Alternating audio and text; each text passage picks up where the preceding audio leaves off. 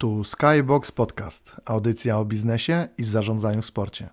Ja nazywam się Tomek Flakowski, a dziś o brandingu klubów sportowych, znaczeniu logo w świecie piłki nożnej rozmawiam ze swoim gościem, grafikiem, projektantem, autorem serwisu Polskie Logonet, Kubą Malickim. Cześć Kuba. Cześć, witajcie. Dzięki za zaproszenie do Skyboxa. Kuba, zacznijmy może od rebrandingu i upraszczaniu znaków towarowych, czy też herbów bądź logotypów. O tym też porozmawiamy.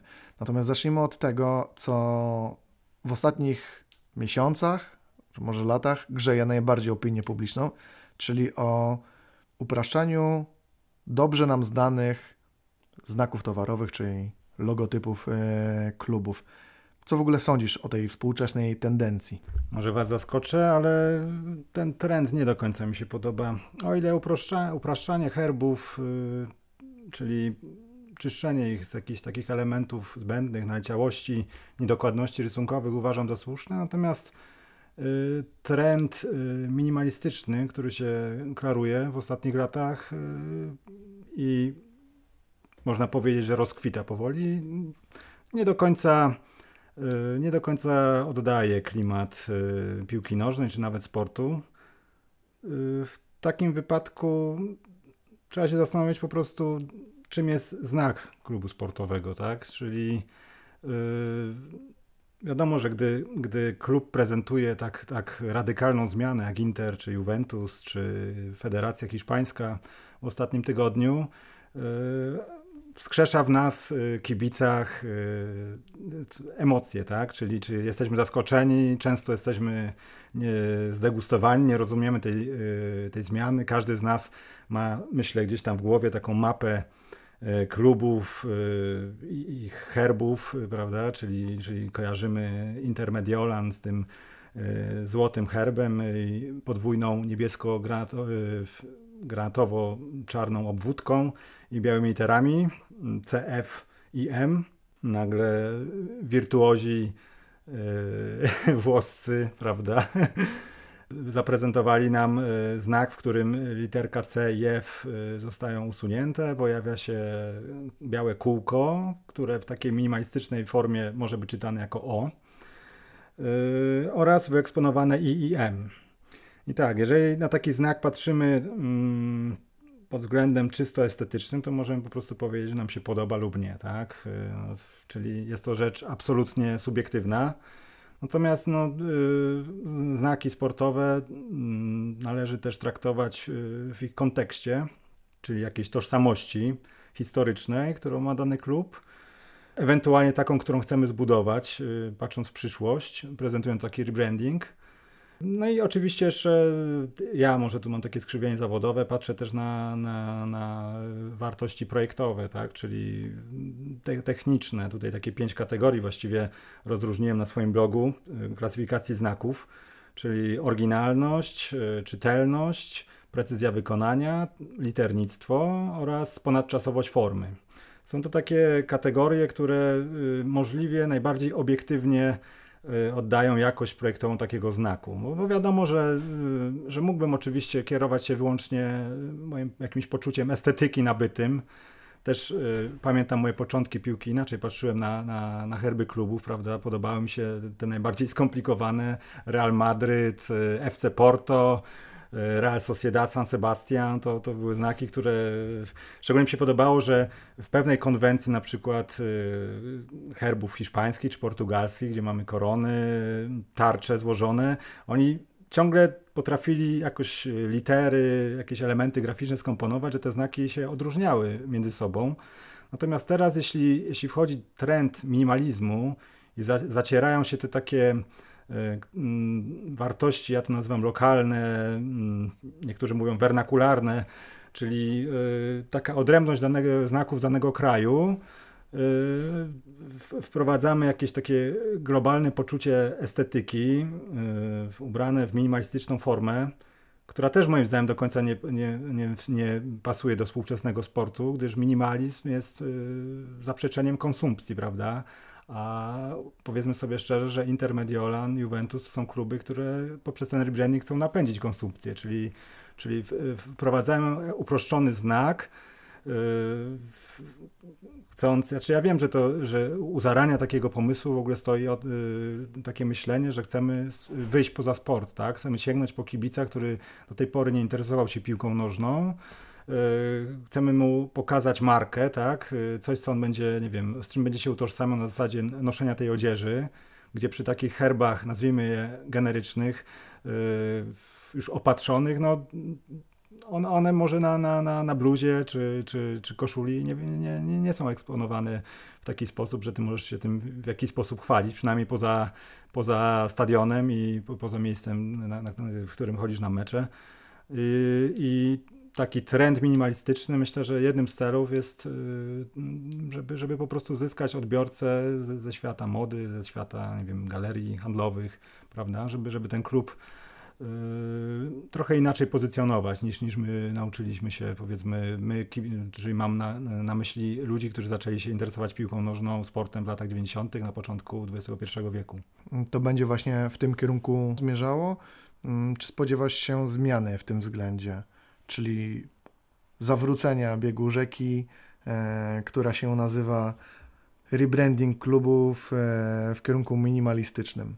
Patrząc na ostatnie 20 lat y, projektowania graficznego, jest to pewnego rodzaju sinusoida. Była moda na gradienty i na mm, flat design, na zestawienie na przykład dwóch kolorów, coś takiego jak ma Arsenal swojej tarczy, że ta czerwień y, jest podzielona na, na dwa pola, jaśniejsze i ciemniejsze.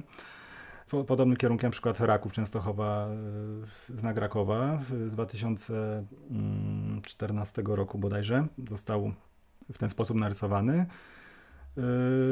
w marketingu swego czasu było szaleństwo gradientowe, tak? czyli, y, czyli jeśli dostawałeś brief na, na projekt znaku, niekoniecznie sportowego, i on miał być nowoczesny, to klient rozumiał przez to, że, że ma mieć gradienty, jakieś elementy, takie efekty wypukłe, prawda? To się kojarzyło y, ludziom z nowoczesnością. Teraz, 10 lat później, nowoczesność y, jest utożsamiana z minimalizmem, czyli jest to z pewnością jakiś trend, no bo ogólnie minimalizm czy, czy modernizm y, to, to jest pewien kanon w projektowaniu graficznym, który jest obecny od, od co najmniej 50 lat. Y, więc, y, więc dążenie mm, w designie do prostoty jest czymś naturalnym, tak? Natomiast to, co robi, to, co obserwujemy na, na rynku piłkarskim, jest to takie na siłę uproszczenie formy herbu do najprostszego kształtu w, w celu, myślę, no, nadania jakiejś nowej tożsamości, próby nadania nowej tożsamości. Ja bym to też utożsamiał trochę z takim trochę politycznym, powiedzmy, nastawieniem współczesnego świata, czyli taki mm, lewicowy trochę postęp, tak? Czyli, czyli tak zresztą social media działają. Yy, no, nie wchodząc głębiej w politykę, chodzi o to, żeby, żeby, żeby pokazać, że, że idziemy z duchem czasów, tak? że jesteśmy postępowi, że, że nie interesuje nas to, co było kiedyś, czyli jakieś y, figury heraldyczne, które jeśli prześledzimy ewolucję, na przykład przy, przy, gdy Inter opublikował nowy herb, ja od razu wrzuciłem grafikę, jak ten herb się zmieniał i rzeczywiście jak spojrzycie w ciągu stu tam e, kilkunastu lat, ten herb e, kilkakrotnie przeżywał metamorfozy, tak? Był, był okres w latach 80., że Inter używał na przykład e, węża w swoim znaku. Y, na który teraz też niektórzy naiwnie czekali, że, że może, może jednak to nie będzie uproszczenie liter, tylko tego węża y, zaprezentują, chociaż y, tam sekcja sportowa, pamiętam, że ma w logo tego, tego zabawnego trochę w kształcie węża. Mówię zabawnego jako kibic Milanu, przynajmniej jeśli chodzi o, o włoskie kluby. Więc pro, jeśli, jeśli można cokolwiek próbować w ogóle przewidywać, bo wiadomo, że, że, że, że przyszłość jest nieodgadniona, no to, to, to w najbliższych latach gdzieś to będzie postępowało. Zresztą widzę po, po zapytaniach, które dostaję, że, że klienci y, gdzieś tam na, już na samym początku wskazują Juventus y, jako taką, taką inspirację do, do, y, do zmiany znaku. I myślę, że ten trend na pewno y, będzie gdzieś y, postępował wśród klubów, które nie mają jasno zdefiniowanej tożsamości. Zresztą to jest dla nich y, szansa tak naprawdę, żeby taką tożsamość sobie wyklarować poprzez użycie jakiejś wysmakowanej formy. Oczywiście nie mam na myśli tutaj rzeczy y, takich jak zrobił A.S. Trenczyn na przykład, czyli literkę T z, z dwóch takich narożników. Kalka jeden do jednego Juventusu czy u nas nawet podobny znak powstał tu niedaleko w Tęczynku, Tęcza Tęczynek, klub e, o kolorowej nazwie, a ich e, nowy, nowy znak, nie wiem czy sprzed roku, czy sprzed dwóch, już nie pamiętam, również składa się z takiej czarnej literki T, trochę przypominającej miecz. Więc gdzieś, gdzieś widać, że ludzie idą za tym trendem. No tutaj też głośne marki poszły, na przykład FC Nantes, ten znak mi się bardzo nie podoba. Znaczy raz, że, że Nant ogólnie mi się kojarzył z, tak pozytywnie przez kolory i też w latach 90. pamiętam Roman Kosecki tam grał w Lidze Mistrzów, gdy Nant doszło do półfinału Ligi Mistrzów. Oni nie mieli tego znaku historycznie też wyklarowanego, bo to była taka fala wówczas z gwiazdkami i potem, potem przyjęli taką formę heraldyczną bardziej, czyli tarczę podzieloną na pasy tam z, z symbolem takiego mm, okrętu i nawiązaniem do miasta. Natomiast teraz y, ten znak jest nijaki, jest po prostu literka N y, transparentna. Oni niekiedy na, na żółtym tle to używają, innym razem y, w wersji przezroczystej. Więc jest coraz więcej tych znaków i będzie to jeden z trendów, bo ja staram się jakby śledzić tutaj i, i zbierać to. W tym roku w styczniu wrzuciłem taką grafikę social mediów, gdzie y, zrobiłem na takiej elipsie cztery jakby główne, y, znaczy stworzyłem taką oś, na której y, cztery różne koncepcje rebrandingu zaprezentowałem tylko z zeszłego roku, czyli to były znaki minimalistyczne, y, znaki heraldyczne jako przeciwieństwo, na przykład y, jest też taki trend, który nazwałem manchesteryzacja. to oczywiście chodzi o to, y, Polonia Warszawa coś takiego zrobiła, że Mhm. Że dokładamy sobie otok. Tak, dokładamy sobie otok y, z nazwą klubu wypisaną na tym otoku i rok założenia podzielony na, na, na bokach tego okręgu. I, I, bardzo dużo też takich znaków powstawało. Y, powstaje, tam nawet y, klub rugby znalazłem jeden z Wigan, jeśli dobrze pamiętam, który poszedł w tym kierunku.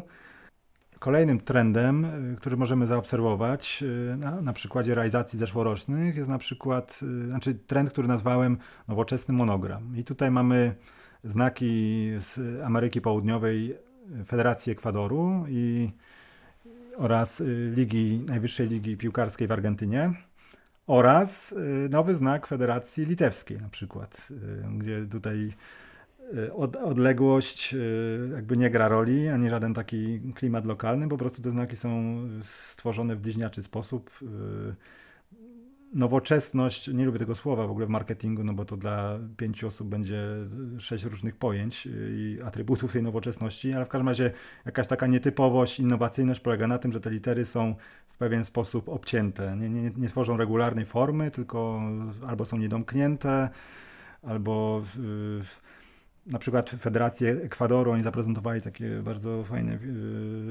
yy, promocyjne wideo tego znaku, gdzie, gdzie te litery układają się w symbol kondora, prawda? I, i rzeczywiście yy, ta animacja gdzieś tam broni tego znaku, koncepcji, natomiast yy, pozbawiony tego kontekstu, no właściwie trudno cokolwiek wyczytać z tego znaku. No, no, te litery F teoretycznie mogą tworzyć tutaj skrzydła ptaka, natomiast y, wydaje mi się, że nawet trudno odczytać nazwę tej federacji, tak? jej akronim, gdzieś tam E może w środku y, funkcjonuje. Więc to jest taki trend, który też gdzieś nieśmiało ktoś tam powtarza. Jest oczywiście ten minimalizm, który, który przybiera czasem formy no wręcz ascetyczne, jak, jak nowe logo Pro League belgijskiej, czy, czy na przykład rosyjskiej Czajki, które przyznaję, jako jedno z nielicznych tych y, w, Nowym Duchu podoba mi się, dlatego że tam bardzo, bardzo taki fajny branding towarzyszył temu znakowi. Y, oczywiście nie każdy tutaj y, dopatrzy się ptaka w tym trójkącie czajki.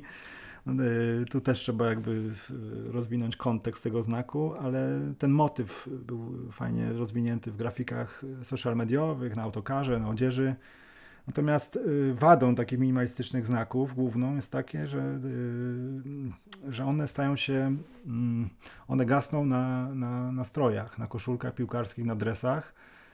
gdyż są zbyt zbliżone do znaków handlowych, tak? Czyli na strojach sportowców, na których masz kilka logotypów firm, producenta technicznego, tak, odzieży, te znaki tracą swój taki unikalny charakter, prawda? Przestają być herbami, które zawsze odróżniały się.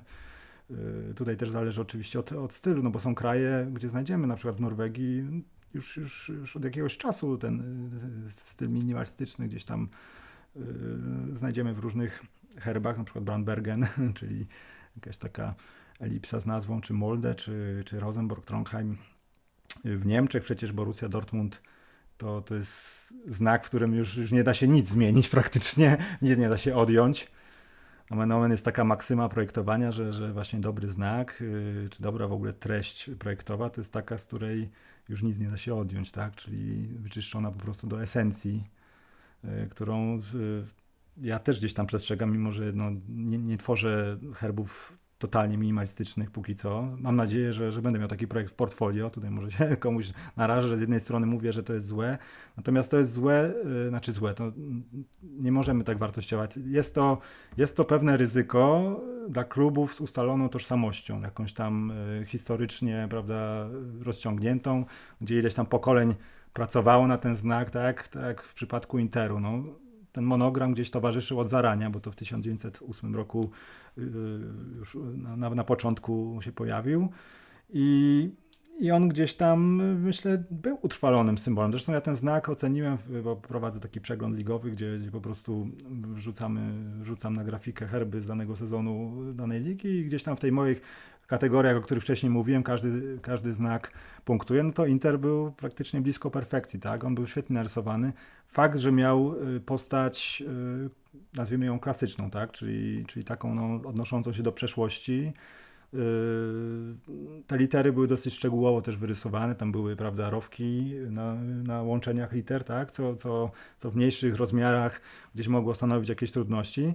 Chociaż w tym sezonie Inter eksponował ten monogram yy, na odzieży, więc właściwie od strony technologicznej on nie był w żaden sposób yy, kłopotliwy. On on, ja to traktuję tę zmianę właśnie, w, tak wracając do poprzedniego też pytania trochę, że Y, że jest to po prostu opowiedzenie się za, za pewnym postępem, tak? za, za, za tym, że, że, że chcemy być inni, na siłę inni, my, my chcemy pokazać nową tożsamość.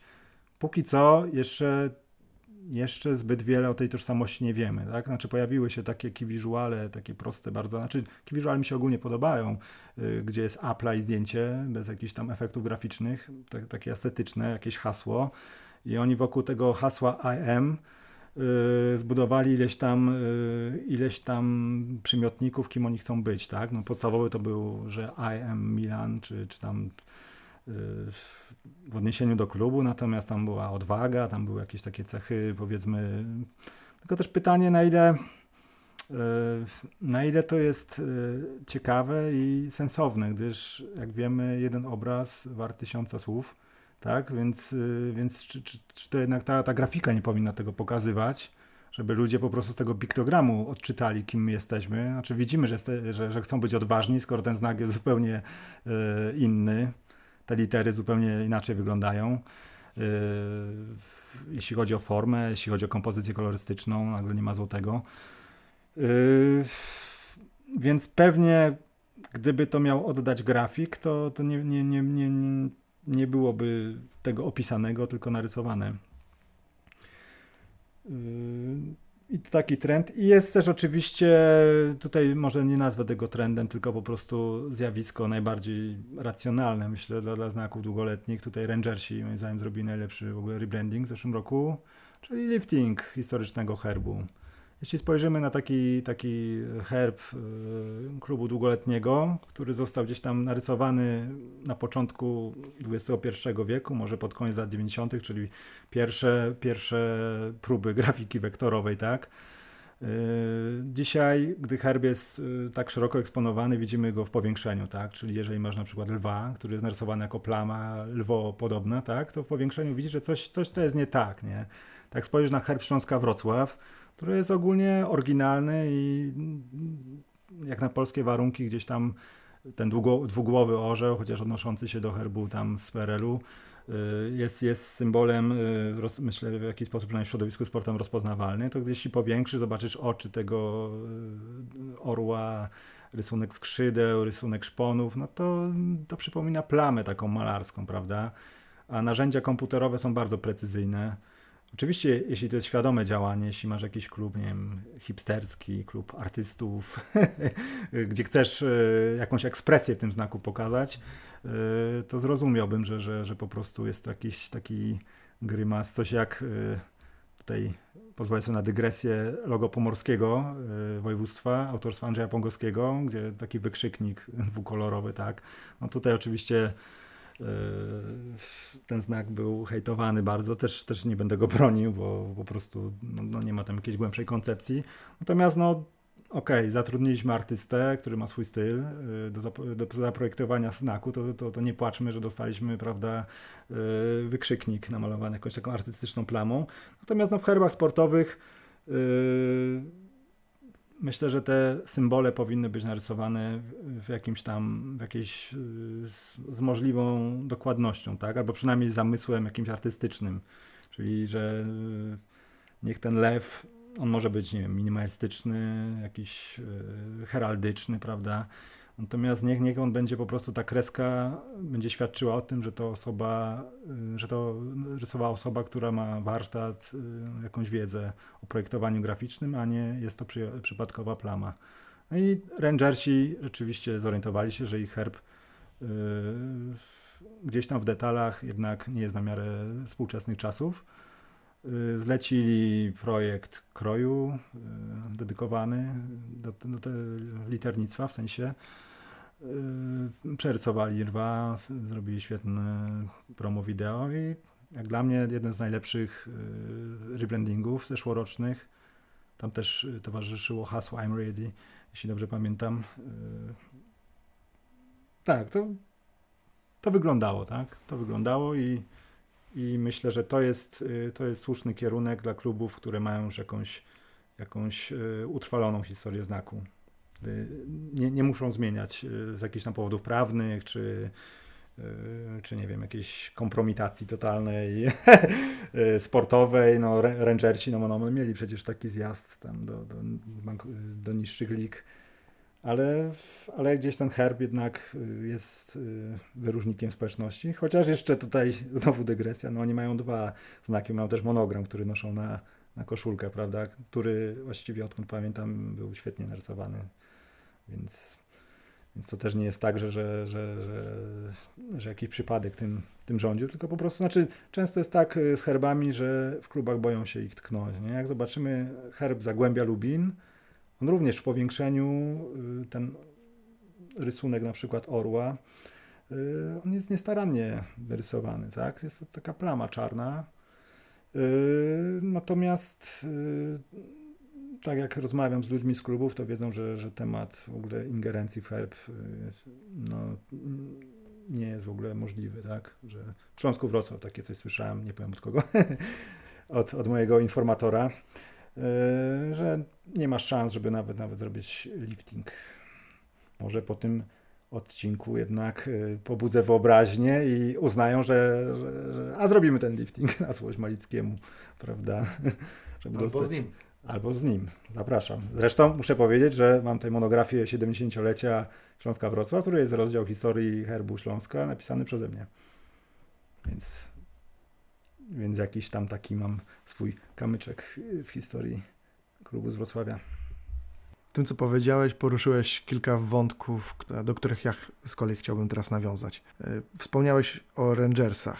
Też trzeba powiedzieć, e, przedstawić tło w ogóle naszego dzisiejszego nagrania. To jest nasze drugie podejście.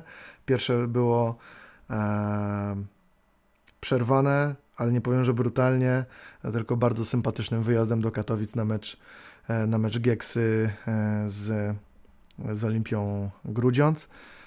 E, no i jakby w międzyczasie zdążyliśmy sobie troszeczkę porozmawiać. E, wspominałeś właśnie o heraldyce, o, o jakby wyglądzie współczesnych i starszych herbów, co w których powinno się zmienić. E, pokazałeś tutaj dość e, pokaźną, przynajmniej jak dla mnie, kolekcję pinów różnych, różnych klubów.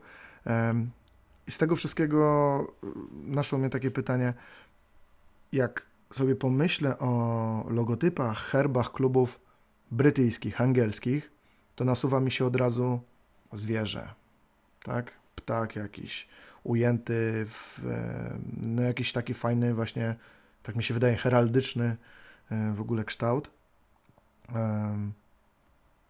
A w Polsce z czym powinny się kojarzyć? Czy w ogóle jest coś takiego, że myślisz o herbach brytyjskich czy angielskich, myślisz właśnie w ten sposób? Dobry przykład właśnie e, Liverpool czy nie wiem, West Brom. Przeróżne kluby mi przychodzą teraz na myśl, które, które gdzieś jakieś tam to zwierzę, czy, czy właśnie ptaka, jakieś inne mm, żywe stworzonka ma, ma w swoim herbie. A jak myślimy o, o herbach czy logotypach y, polskich klubów, to, to co powinno nam się nasuwać y, na myśl? E, zacznę od tych brytyjskich jednak herbów, gdzie, gdzie jak słusznie zauważyłeś, większość klubów ma bardzo rozpoznawalny symbol.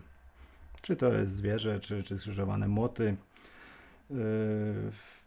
co jest jakby esencją ich brandingu, tak? Symbol ogólnie nie tylko w sporcie, ale w sporcie może przede wszystkim y, daje nam bardzo dużą wiedzę o takim klubie, gdyż od razu nasuwa skojarzenia przynależne danemu zwierzęciu na przykład, czy, czy jakiejś figurze y, heraldycznej, czy, czy młotkach, y, atrybutach przemysłowych, tak to nazwijmy. Więc y, angielskie kluby to jest ich siła, tak, że, że kojarzysz gdzieś tam każdy, nie wiem, Sroki z Newcastle, Liveberda właśnie, o którym wspomniałeś, Kanarka z Norwich, tak. Y, no, to jest po prostu, tak, dokładnie. Tu, tu możemy wymieniać, wymieniać. Y, w Polsce też y, mamy do czynienia z, z tego, z, ogólnie z konkretną symboliką, szczególnie kluby, które powstały w pierwszych latach Polski Ludowej. Wiem, że to będzie odpowiedź może dla niektórych niewygodna, ale wiele polskich znaków ma źródła mm, w, w nazwijmy to wprost w socrealizmie, tak? Czyli ja przez to rozumiem takie odniesienia do Y, do ludowych zrzeszeń y, sportowych, czyli wszelkiego rodzaju wieńce, promienie. Mm, no, oczywiście wśród największych klubów no nie, jest to, nie są to dominujące elementy, chociaż wieńce były bardzo chętnie y, wykorzystywane przez kluby przy okazji wszelkich jubileuszów w czasie PRL-u. To był taki atrybut oznaczający długowieczność albo jakieś tam sukcesy, powiedzmy mniejsze lub większe. Natomiast no, to był element y, wprowadzony przez, y, przez projektowanie tam na przełomie lat 40. i 50., tak, y, gdy powstało Zrzeszenie Ludowych Zespołów Sportowych. Drugim takim atrybutem oczywiście są wszelkiego rodzaju przemysłowe symbole, czyli skrzyżowane młotki górnicze, koła zębate, znaki zakładów, na przykład tutaj mam na myśli Stilon czy Elanę, te, to, to są e, znaki przedsiębiorstw, które zostały wpisane do, do, do emblematów sportowych i na tyle silne, że, że mimo, że kluby dzisiaj już nie są związane z, z tymi przedsiębiorstwami, ciągle kibice utożsamiają się tak, ze znakiem z, E w heksagonie, z inicjałem E w heksagonie w Toruniu, czy, czy z tą charakterystyczną eską w Gorzowie. Więc yy, jeśli pytasz o symbolikę, to tak, to, to rzeczywiście tutaj Lech Poznań, skrzydełka kolejarskie, yy, bardzo rozpoznawalny symbol. Zresztą y, pamiętam, że y, czołówkę poprzednią ekstraklasy, gdzie, gdzie też te, te symbole były jakoś wyeksponowane. Na przykład kojarzy mi się ta wieża y, piastowska z, z herbu Piasta, która gdzieś tam taki buch robiła, śmieszny. Y, tak, bo znaczy powiedzmy sobie szczerze, y, y, że to jest wartość dodana, tak, że, że każdy branding sportowy powinien zmierzać w kierunku nadania takiego symbolu, z którym będą kibice drużyny twojej się utożsamiali, z którą będą rywale ciebie kojarzyli, gdyż to jest myślę też ciekawe, tak? tak? Tak po prostu turystycznie. Jedziesz do Gliwic, chcesz zobaczyć tą wieżę, która jest w herbie Piasta. Mnie to przynajmniej zawsze interesowało, tam stoi obok stadionu akurat ta wieża. No, niektóre symbole rzeczywiście są trudniejsze, tak? Jeśli chodzi o orły wszelakie, no ten dwugłowy orzeł yy, z, z Wrocławia, o którym rozmawialiśmy, no, no nie jest to symbol, powiedziałbym, taki, który, który może nas gdzieś pchać do przodu. Szczególnie, że, że zaczerpnięty z, z perolskiego herbu Wrocławia, tak? Yy, orłów zresztą u nas jest bardzo dużo, tak? I, znowu dygresja, ale jeśli byś spojrzał na na kluby o nazwie Sokół, e, Orzeł w niższych ligach, to masz taki motyw klipartowy Orła, który był masowo powielany. Zawsze się śmialiśmy, jak współpracowałem 90 minut, bo tam e, był taki dział, gdzie zbieraliśmy te herby e, klubów do bazy danych i ludzie przysyłali orła, znaczy herb sokoła jakiegoś, na którym był klipartowy orzeł, tak? który, który funkcjonował u innego klubu pod nazwą orzeł. Więc y, no, jest to też jakiś wyróżnik, tak? Orzeł, natomiast no, on musi być w specyficzny sposób narysowany. Musi, musi coś swoją sylwetką komunikować. Dzisiaj na przykład wrzuciłem taką grafikę do mediów społecznościowych. A, znowu autoreklama. No ale w każdym razie uprościłem y, herby klubów z, y, z 1927 roku, inauguracyjnego ekstraklasy. Gdyby herby były herbami. Tak? tak, gdyby herby były herbami, dokładnie, bo, bo nie do końca są, ale te, o tym też możemy później porozmawiać. W każdym razie yy, i tam grał taki klub yy, ANFC Katowice, który wywodził się z klubu o nazwie Preußen. Nie wiem, czy to dobrze wymawiam.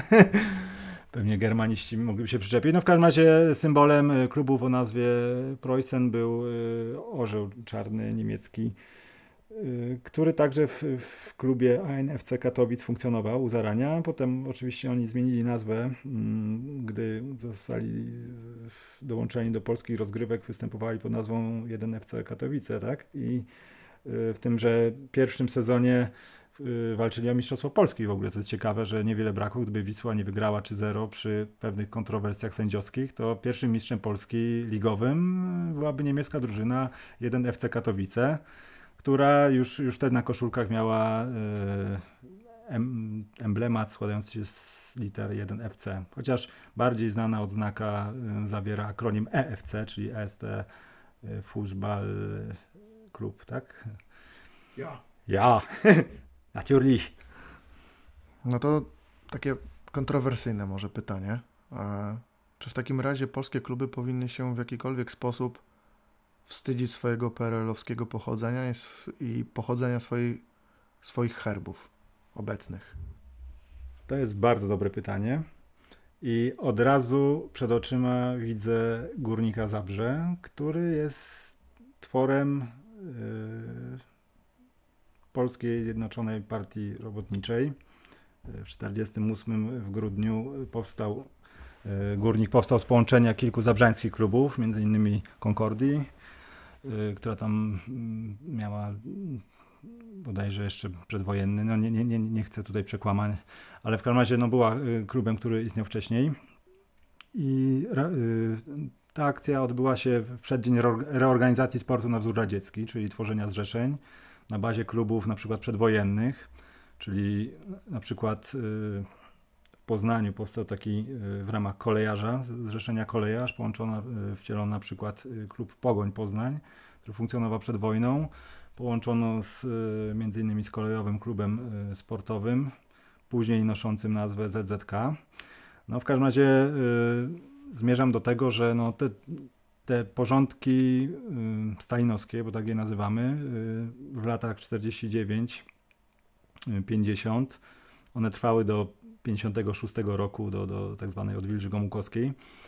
Yy, z punktu widzenia hmm, historii Polski no, były naganne, tak? Zmieniano tożsamość klubów przedwojennych. Yy, Warta Poznań stała się na przykład yy, Stalą, Wisła Kraków Gwardią, Polonia Warszawa Kolejarzem, Legia CWKS-em, więc z punktu widzenia gdzieś tam historii Polski, to, to, był, to był czas zbrodniczy, ale dał nam na przykład Górnika Zabrze, czyli jedyną polską drużynę piłkarską, która była w finale europejskich pucharów, tak? Czyli, czyli yy, podobnie Legia również yy, tam największe sukcesy yy, przecież osiągnęła w czasach Polski Ludowej.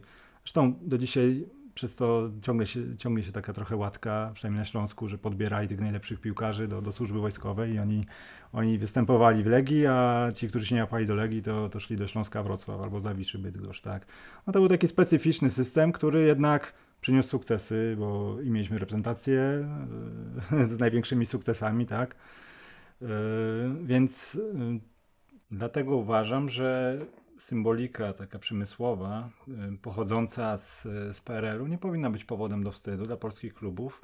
Jest to jakiś y, symbol ich, ich przeszłości, ich, ich bogatej często historii, tak? Y, na przykład Górnik Zabrze, ten, ten herb nie wymaga obecnie żadnego liftingu. Jest poprawnie narysowany, są te młotki górnicze, co prawda no, może nie, niedostrzegalne na pierwszy rzut oka, bo tam jednak inicjał jest wyeksponowany, natomiast yy, w sensie takim yy, tożsamościowym wręcz to, to jest atut tego klubu, że, że, że może sobie gdzieś, gdzieś tą górniczą tożsamość akcentować przy różnych akcjach, na przykład teraz mają rezerwowe koszulki czarne z taką lekką fakturą węgla, która gdzie, gdzieś tam fajnie roz, rozwija nazwę górnik, tak? No wiadomo, że, że, że może to jest takie bardzo dosłowne, co nie wszystkim się podoba, natomiast y, no jest to jakiś dla nich y, punkt, y,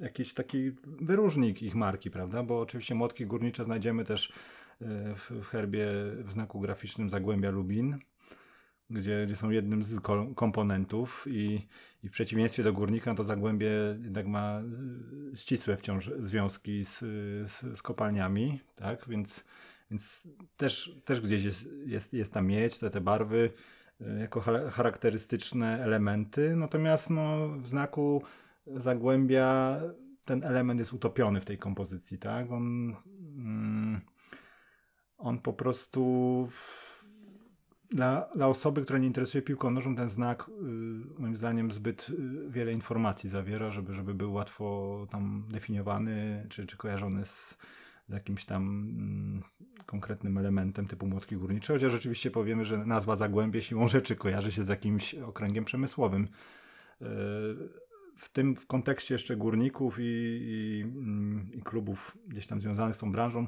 Szachtar Doniec ma bardzo, bardzo fajny emblemat, który, który gdzieś tam zawsze pokazuję jako pozytywny przykład y, rebrandingu klubu, bo też y, w czasach Republik Radzieckich mieli kółko z, w takim przemysłowym powiedzmy charakterze, na, na okrągłej tarczy mieli tam wypisaną nazwę Młotki Górnicze, natomiast stworzyli z tego taki elipsoidalny kształt, w którym taki płomyczek powiedzmy się unosi nad nazwą Szachtar.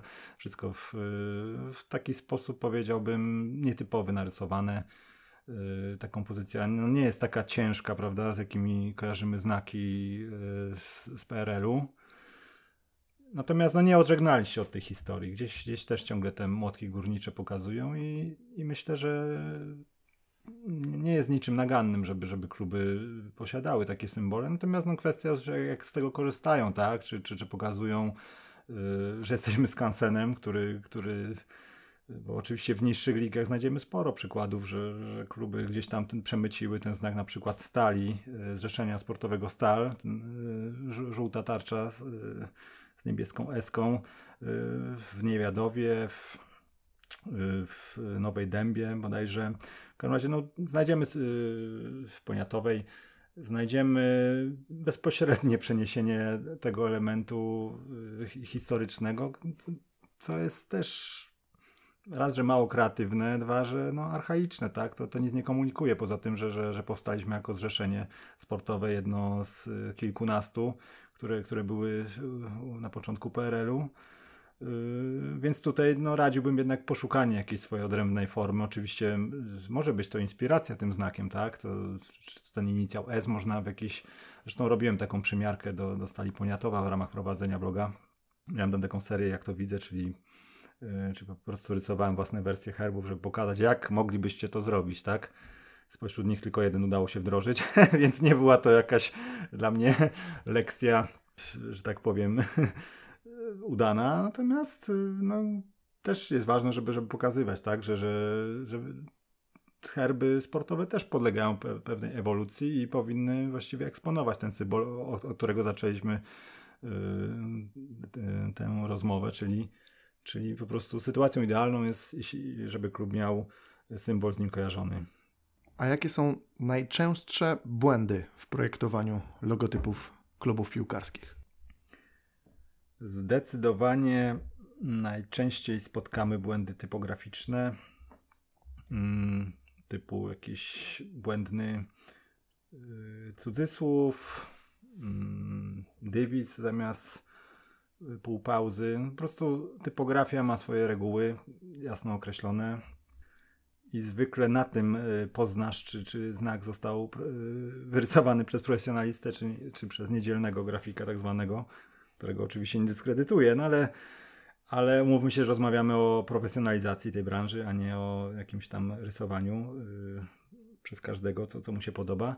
Więc yy, typografia, kerning, czyli tam światło między literami nierównomiernie rozłożone, yy, w sensie zaburzony kerning wtedy, jeśli ono jest y, źle rozłożone. Na, na typografii przede wszystkim y, czujne oko grafika znajdzie, znajdzie jakiś fałsz. No, tak wcześniej rozmawialiśmy też y, detale rysunkowe, y, na przykład y, zwierząt.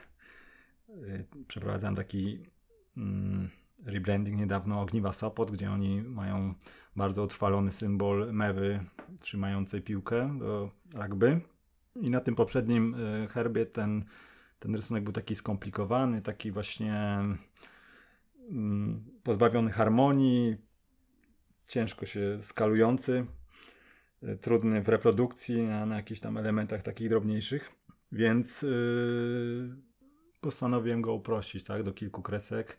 I, i, i gdzieś myślę, że, że, że, że, że to jest jakiś tam kierunek, który powinniśmy wspierać, czyli jak najprostszy rysunek. Nie mówię już, tak jak wspomniałem, nie mówię, że to musi być minimalizm, czy, czy powinien być minimalizm, natomiast no, ta kreska powinna być płynna, tak? Nie, nie jakaś taka szarpana, bo jak posadzisz kogoś na przykład do ilustratora, żeby coś narysował bez, bez jakiejś głębszej wiedzy, no to myślę, że zacznie po prostu krzywą Beziera sobie rysować i tam milion węzłów nagle y, program mu zada, albo ta krzywa będzie taka no y, nierównomierna.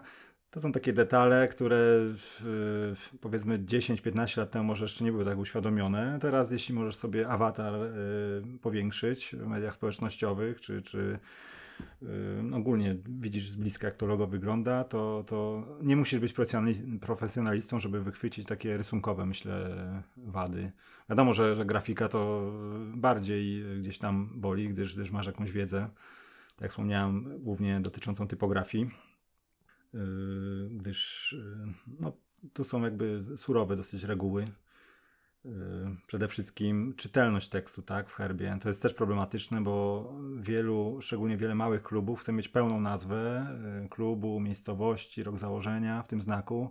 Wiadomo, że im więcej liter, ten, ten herb, tak to nazwijmy potocznie, tym ten emblemat będzie trudniej, trudniejszy w aplikacji w pomniejszeniach będą się zlewać e, te kształty. No, no może mamy teraz dobrą technologię, bo kilka lat temu chociażby e, aplikacja na koszulce takiego herbu była mocno skomplikowanego, była mocno utrudniona, tak? Czy wydanie odznaki.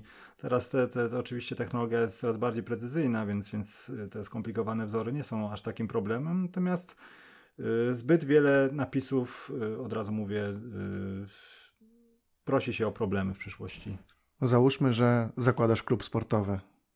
Siadasz do nazwy, ok, masz już nazwę, masz już pomysł na, na cały klub. Czas na logo, na herb klubu, emblemat, jakkolwiek to nazwiemy. Jeszcze o tym porozmawiamy oczywiście. Od czego zaczynasz? Co w nim powinno być? Czego w nim nie powinno być? Czyli, no właśnie, no jakbyś miał to przedstawić w tym momencie.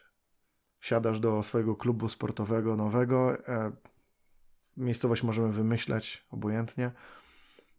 I co robisz krok po kroku? Jeśli to miałby być mój klub, to przede wszystkim yy, celem takiego działania byłoby stworzenie marki.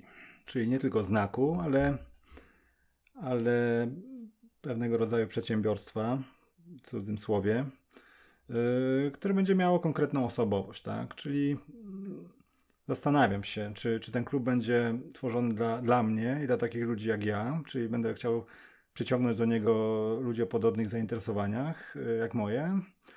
No i wówczas yy, spisuję sobie wartości, które są, których ja przestrzegam, tak? które chciałbym, żeby to, ta społeczność się wyróżniała, które niekoniecznie są, nie wiem, mainstreamowe, popularne, ale nie ukrywam, że jestem w pewnym sensie romantykiem, jeśli chodzi o piłkę nożną, że uznaję, że w tym sporcie jednak powinny być jakieś wartości, nie tylko kasa.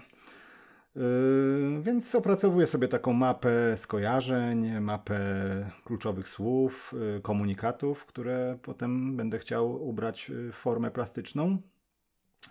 Yy, zakładamy, że już mamy nazwę, tak, która, która też odzwierciedla te wartości i przystępujemy do projektowania brandingu. I teraz muszę sobie odpowiedzieć na to pytanie, gdzie ja będę się komunikował. Czy to będą tylko media społecznościowe, czy ja będę miał własny obiekt, yy, który będę, na którym będę mógł yy, ten branding gdzieś wdrożyć, tak? Bo to jest jeden z podstawowych atrybutów też klubu sportowego, czyli stadion, którym, którym można wiele powiedzieć, albo niestety wiele na tym stracić, jeśli nie masz swojego obiektu, jeśli grasz gdzieś, nie wiem, na, na, na sztucznej murawie, na przykład Y, Nadwiślana Kraków, czyli, czyli taki obiekt, gdzie dziennie po 10 y, drużyn przyjeżdża, rozgrywa mecze i, i, i znika. Y, no, załóżmy, że przystępujemy już do, do, do, do esencji dla grafika, czyli projektowania znaku. No tutaj oczywiście już te skojarzenia, tak, które wspomniałem.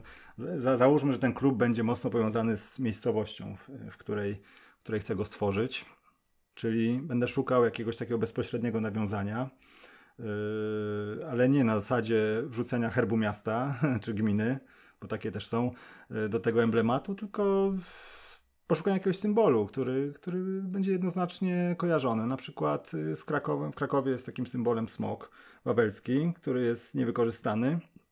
Mimo, że, że występuje tam, znajdziemy go w znaku Dragons, czyli takiej drużyny kiedyś Sunday League obcokrajowców, którzy, którzy teraz zgłosili się do B-klasy, yy, nie pamiętam, chyba rok temu. Yy, też w pogoni skotniki ten symbol gdzieś tam, tu nawet yy, przyznaję się, że ja umieściłem, znaczy za namową oczywiście klienta, ale w, w, skali gdzieś tam miasta wydaje mi się, że, że je, jeszcze wciąż ten, ten symbol nie jest poza Krakowem kojarzony z żadnym konkretnym klubem, nawet jeśli jest y, maskotką Wisły Kraków na przykład. Y, tak, czyli, czyli zakładamy, że, że mamy tego smoka w Krakowie, no i musimy znaleźć dla niego jakąś formę. Jeśli to będzie mm, sylwetka na przykład minimalistyczna, jak, jak logo reprezentacji Litwy, nie federacji, tylko reprezentacji, bo oni sobie tam y, wykorzystali symbol pogoni, czyli ogólnie godło, y, godło Litwy. narysowali go taką kreską, pozbawiając tam kończyn dolnych. Y, mniejsza o to, czy to. Mnie się ten znak nie do końca podoba, przez to, że właśnie jest niedokończony. No ale w każdym razie chcemy tworzyć klub jakiś taki wpisujący się w to, co mówiłem wcześniej, czyli w taki postęp y, wizualny, w coś takiego nietypowego, innowacyjnego, zaskakującego. Rysujemy, powiedzmy, grubą kreską tego smoka. On nie będzie taki, yy, nie wiem, heraldyczny, dokładny, że każdy szczegół będzie odzwierciedlał, tylko będzie po prostu pociągnięty tą kreską. Yy, taki designerski, w cudzym słowie znowu, ale to yy, po prostu patrząc na realizację grafików takich powiedzmy topowych, no to widać te, te taki, taką skłonność do rysowania znaków w ten sposób, przynajmniej obecnie. To jest oczywiście temat też na, na akademicką dyskusję, czy, czy, czy to jest dobre, czy złe. No, w każdym razie, y, no ale mój klub pewnie byłby bardziej jakiś taki, chciałbym jakieś takie, mm, że tak powiem, y, ten romantyzm piłkarski odzwierciedlać, więc, więc myślę, że jednak ten smog byłby bardziej realistyczny. Yy, szukałbym jakiejś takiej nietypowej formy, może jakiejś metafory, że, że on by miał coś trzymać. Yy, gdzieś yy, no, ogólnie uważam, że, że, że, dobry znak powinien jakieś łączyć dwa, co najmniej dwa znaczenia różne, tak? Wtedy, wtedy zyskujesz jakąś unikalność. Jeśli to będzie po prostu zwierzę, no to Aston Villa ma lwa na przykład złotego, tak? No, no gdzieś jest, jest, jest skojarzony ten lew z klubem, natomiast no jest kilka innych lwów, które, wyglądają podobnie, tak? Znaczy, no, w Aston Villa oczywiście barwy są też bardzo nietypowe, więc, więc to tutaj gdzieś ten herb jest łatwo kojarzony, nawet jeśli tylko akronim w nim występuje. No i, i, na, i ostatnia rzecz, czyli nazwa. Ja ogólnie mm, przyznaję, że wolę, gdy mm, w znaku sportowym jest jak najmniej liter, czyli albo to będzie monogram, albo po prostu nazwa wypisana nie wpisywałbym nazwy miejscowości. Zresztą znowu y, pozwolę sobie na dygresję. Coraz częściej y, ludzie y, mówią, żeby nie eksponować, znaczy zależy to też z miejscowości, ale powiedzmy miałem dwa takie przypadki, że ludzie pisali absolutnie żadnych odniesień do miejscowości, bo miasto nam nie pomaga, miasto nam utrudnia, nie chce nam zbudować stadionu, nie daje nam kasy, prawda, dlaczego mamy reklamować w swoim herbie nazwę, nazwę miasta, tak? Okej, okay, no znaczy to jest też taka zmiana, bo, bo powiedzmy e, w czasach e, tam nie wiem 10-20 lat temu gdzieś tam e, marka klubowa była taką silnie osadzoną lokalnie i jakby skojarzenia z miastem były pozytywnymi, tak? Yy, natomiast teraz no, jakiś taki interes dominuje, czyli jeżeli nam miasto nie pomaga, no to tej nazwy miasta nie będzie. U mnie też pewnie miasta by nie było, niezależnie czy, czy byśmy dobrze żyli, czy nie, czy byliby sponsorem, czy nie. Są, yy, uważam, że w znaku po prostu powinna być yy, nazwa lub akronim i, i ten symbol, o którym rozmawiamy. Zresztą to pytanie, o którym, które mi zadałeś, ja miałem okazję przerobić taki case, gdyż, gdyż z kolegami, ze znajomymi w Krakowie stworzyliśmy taki klub, o nazwie Firant, do którego to nazwy też się zresztą przyznaję. I tam ten proces y, przeszedłem tak naprawdę od, od momentu budowy skojarzeń, co my chcemy w ogóle stworzyć. Miał być taki klub po prostu odskocznia od codziennych trosk. Powiesz, że każdy klub taki może być, ale to miał być taki pub po prostu piłkarski, który gdzieś tam będzie w niższych ligach sobie funkcjonował i, i stanowił miejsce spotkań dla, dla różnych tam ludzi z Krakowa, y, zmęczonych swoją pracą w korporacji, czy jakichś drobnych przedsiębiorców.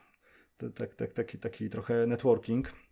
I, I tam rzeczywiście ten herb powstał, tam był y, symbol też podkowy, tam była piłka, z, z retro piłka wrzucona, która niektórym się z koszykówką kojarzyła, chociaż chociaż po prostu idealnie pasowała do, do tego, co, co tam chcieliśmy stworzyć, no bo tutaj miały być też odniesienia do historii, takie, że, że, że spotkania z, z różnymi ludźmi, piłki, opowieści o dawnych czasach, o tym, jak, jak grali w piłkę, na przykład Andrzej Iwan, świetny wywiad. No w każdym razie, y, no tak mniej więcej przebiega ten proces. No potem, y, gdy już masz y, powiedzmy herb stworzony, masz wybrane liternictwo, które, które gdzieś tam, bo literą też możemy różne rzeczy zakomunikować, inaczej jeśli będzie na przykład font szeryfowy, kojarzący się z klasyką, inaczej jakiś grotesk tak zwany, czyli geometryczny krój, który teraz jest utożsamiony z, z jakąś nowoczesnością, jest bardzo popularny, natomiast są to kroje z futura, najstarszy z nich z lat dwudziestych zeszłego wieku. Y, więc tutaj y, samym liternictwem też można powiedzieć, kim ty jesteś, prawda? No wiadomo, że tam zwykły człowiek to tylko jakoś intuicyjnie rozróżnia, co jest nowoczesne, co jest starodawne, no ale gdzieś ja uważam, że dobrze zaprojektowany branding właśnie w każdym detalu komunikuje to, co ty chcesz powiedzieć o swoim klubie, tak? No i potem wchodzą kolory, Y, jestem zwolennikiem Appli y, w tle komunikatów, czyli prosty grafik, nie jakichś tam kosmicznych y, płomieni wokół piłkarzy. Uważam, że może się komuś naraży, jest to kiczowe i wtórne. Tak naprawdę, chyba, że jest to powiązane z jakąś koncepcją, tak? Z jakimś, z jakimś pomysłem. Natomiast jeśli to jest po prostu dodanie do zawodnika płomieni z tyłu i aureoli, no to to, to taki grafik powstaje milion i myślę, że, że każdy, kto chce być grafikiem, to, to niestety, kto albo przynajmniej zaczynał 10 lat temu, to zmierzył się z takim tematem, bo na przykład y, to tak a propos jeszcze minimalizmu, ja pamiętam moje pierwsze jakieś tam współprace komercyjne, to jeśli projekt był zbyt prosty, to słyszałem od klienta, ale tutaj nie widać w ogóle ręki grafika, że takie to on sobie sam może skomponować, prawda, w, w Wordzie czy jakiejś tam innej, y, w innym programie, edytorze tekstu. No, ale to, to jest już taka dola grafika, że, że gdy ty robisz prosto, a inni wszyscy chcą gratienty, efekty, to, to chcesz zarobić, to się dostosowuj, potem nie pokazuj tego w portfolio. Y, potem, gdy wszyscy robią minimalizm, ty nagle odkrywasz, że kurczę, no może to już y, za daleko idzie, nie? To, to ty, ty chcesz, y, masz jakiś swój też obraz tego, co ty chcesz robić, jakie chcesz projekty, pomysły. W każdym razie, no ale to, to jest rozmowa o stylu, tak? Bo jakby esencja projektu zawsze tkwi w pomyśle. Jeśli jest pomysł, yy, nawet przy jakimś tam powiedzmy yy, stylu, który, który szybko się zmienia, yy, może być ryzykowny, to, to dzięki temu, że jest ten pomysł, no to ten projekt ma szansę przetrwać dłużej, tak? Wyjść ponad te trendy. Wspomniałeś o tym, że klienci mogą mówić, że ok, to, to no, nie widzę ręki grafika y, w tym projekcie Pierwsze, co mi się nasuwa na myśl z ostatnich dni, tygodni, to logo RFEF, e, czyli Hiszpańskiej Federacji Piłki Nożnej. Um, co ty myślisz o tym logotypie, tym rebrandingu? Nie był na 1 kwietnia, niestety. to oczywiście już, już narzuciłem e, e, to, co sam myślę na ten temat, ale ciekawy jestem Twojej opinii. Tu muszę się z Tobą zgodzić. Naprowadziłeś mnie niekoniecznie, bo mam podobne zdanie. Znaczy, tego typu znak jest dla mnie po prostu pusty. Ale pusty nie, nie w kontekście transparentnej formy, tylko po prostu pozbawiony ducha sportu, jeżeli coś takiego można powiedzieć, pozbawiony przede wszystkim tej fantazji hiszpańskiej, której oczekujemy od, od drużyn Y, wszelkich z Półwyspu Iberyjskiego na boisku, ale też y, od brandingu. Mnie to y, poprzednie logo federacji początkowo bardzo dziwiło, że jakiś taki gryzmoł. Natomiast tak jak ci mówiłem, każdy ma w głowie jakąś mapę skojarzeń. Nie wiem, czy to jest dobre, czy to jest złe. Myślę, że, że to sprawia, że ta rywalizacja jest ciekawa, tak? Że że oczekujesz od y, hiszpańskich klubów y, reprezentacji jakiejś finezji, nie tylko na boisku, ale też w kwestii materiałów, które prezentują i, i nagle oni pokazują znak, który mógłby być równie dobrze logo koncernu farmaceutycznego, y, jakiejś aplikacji y, do, mm, do wyboru do o, aplikacji do odczytywania krojów na podstawie grafik. Są już takie oczywiście, że jak sobie wrzucisz y, napis y, w, w, formie grafiki, to on ci jest w stanie dopasować font, który był tam użyty, jeżeli ma go w bazie danych akurat. Y, to jest ciekawe narzędzie, przynajmniej dla, gra, dla grafika, który rekonstruuje herby piłkarskie. No w każdym razie w tym aspekcie typograficznym ten znak jest poprawny, tak? Te litery R, F, E, F są poprawnie skomponowane, ta kreska jest konsekwentnie narysowana, w, w kompozycja w, w kółku gdzieś tam odpowiednio y, wpisana, natomiast y, no nie ma w tym znaku kompletnie żadnych y, skojarzeń, jak dla mnie przynajmniej poza nazwą. Fakt, że on został włączony mm, w kompozycję taką powiedzmy heraldyczną, już na, na odzieży, na tych nośnikach związanych stricte z reprezentacją, Hiszpanii, gdzie on funkcjonuje jako element y, większej całości, mocno skomplikowanej. No tylko no zapytajmy się, po co tworzyć jakieś dwa odrębne byty, które tak naprawdę niewiele komunikują, bo ani z tego godła hisz, hiszpańskiej reprezentacji, które tam zawiera nawiązania do, do godła państwowego, ani z tego znaku tym bardziej y, federacji typograficznego, no nie jesteśmy w stanie zupełnie nic odczytać. Natomiast z tego poprzedniego logo federacji już, już możemy o nim porozmawiać, tak? Ono może rzeczywiście było zaskakujące, było takie frywolne, coś co ganiłem przed chwilą, ale to było nawiązanie do prac Juana Miro, czyli takiego jednego z największych y, malarzy hiszpańskich, surrealistów, którego prace są wybitne. Nie, nie, nie, znaczy, yy, dla mnie przynajmniej są takie interesujące, bo swego czasu bardzo się interesowałem surrealizmem, ale, ale też mam świadomość, tu znowu dygresja, numer 10, że jak byłem kiedyś na wystawie grafik Picassa, to usłyszałem, jak ojciec Y, trzymał sześcioletniego synka na ramionach i mówię, patrz, ty tak samo rysujesz, synku, nie? To, to jeśli byś spojrzał na pracę Miro, też, też mógłbyś tak, y, takie coś y, teoretycznie stwierdzić. Natomiast, no nie no, powiedzmy sobie, że to był bardzo wyrazisty styl, który jak dla mnie w sposób bardzo dokładny został przeniesiony do znaku federacji, czyli Czyli gdzieś odnosił się do, do, do kultury tego kraju, gdzieś, gdzieś budził jakieś zainteresowanie, tak? Był takim, yy, taką skrótową opowieścią o tym, czym, czym jest Hiszpania, czym może będzie ich futbol, no bo umówmy się, no, gdzieś, gdzieś to był znak artystyczny, tak? Który, który tutaj w tym kontekście był jak najbardziej uzasadniony. Wracając do poprzedniego wątku, czyli do tworzenia logotypu własnego klubu, pojawia się wątek który również pewnie w wielu klubach w Polsce cały czas istnieje i stanowi pewien problem, czyli przekazanie praw autorskich, czy w ogóle posiadanie praw autorskich do swojego herbu, do swojego logotypu e, przez kluby. Było takie pytanie jednego mm, z członków społeczności Skybox Podcast, w którym wskazywał, że często klienci, na przykład kluby sportowe, zamawiają projekt, uzgadniają kwotę, dostają grafikę i na tym wszystko się kończy. Mm, no a potem może być e, małe zdziwienie.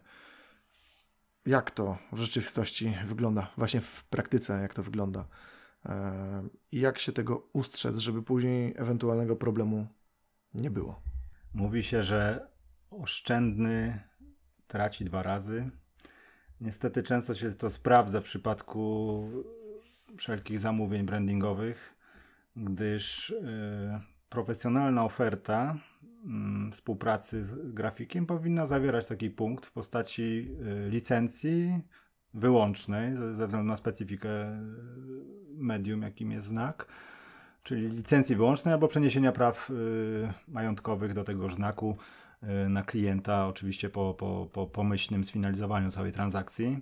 Więc z mojej perspektywy, ja oczywiście kliento, klientów o tym informuję zawsze w ofercie. Mają do wyboru, czy, czy chcą na zasadzie licencji, czy przekazanie tych praw, czy, czy, czy ma być to prze, przeniesienie praw autor, majątkowych.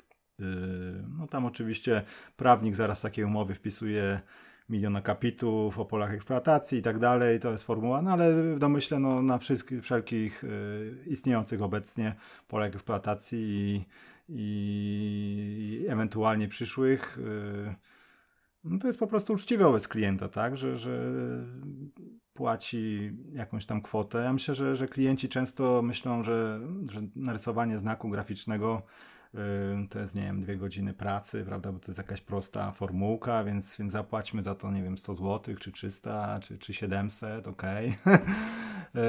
no i potem dostają taki znak, y, gdzieś tam go pielęgnują, promują. Y, załóżmy, że, że, że, że rozwijają markę, ten klub nagle ma jakiś tam budżet wielomilionowy, no i, i dostają potem y, jakieś tam roszczenie od, od grafika, który to zaprojektował, bo okazało się, że nie, nie zadbali o, o, przeniesienie autorskich praw majątkowych. Znaczy myślę, że ta sytuacja jest trochę abstrakcyjna. Ona 10 lat temu mogła się często zdarzać, zresztą mógłbym takich kilka historii yy, opowiedzieć, ale, ale nie chcę wywołać tutaj kontrowersji w środowisku. Yy, z, z mojej perspektywy no, prawa autorskie są elementem profesjonalnej usługi.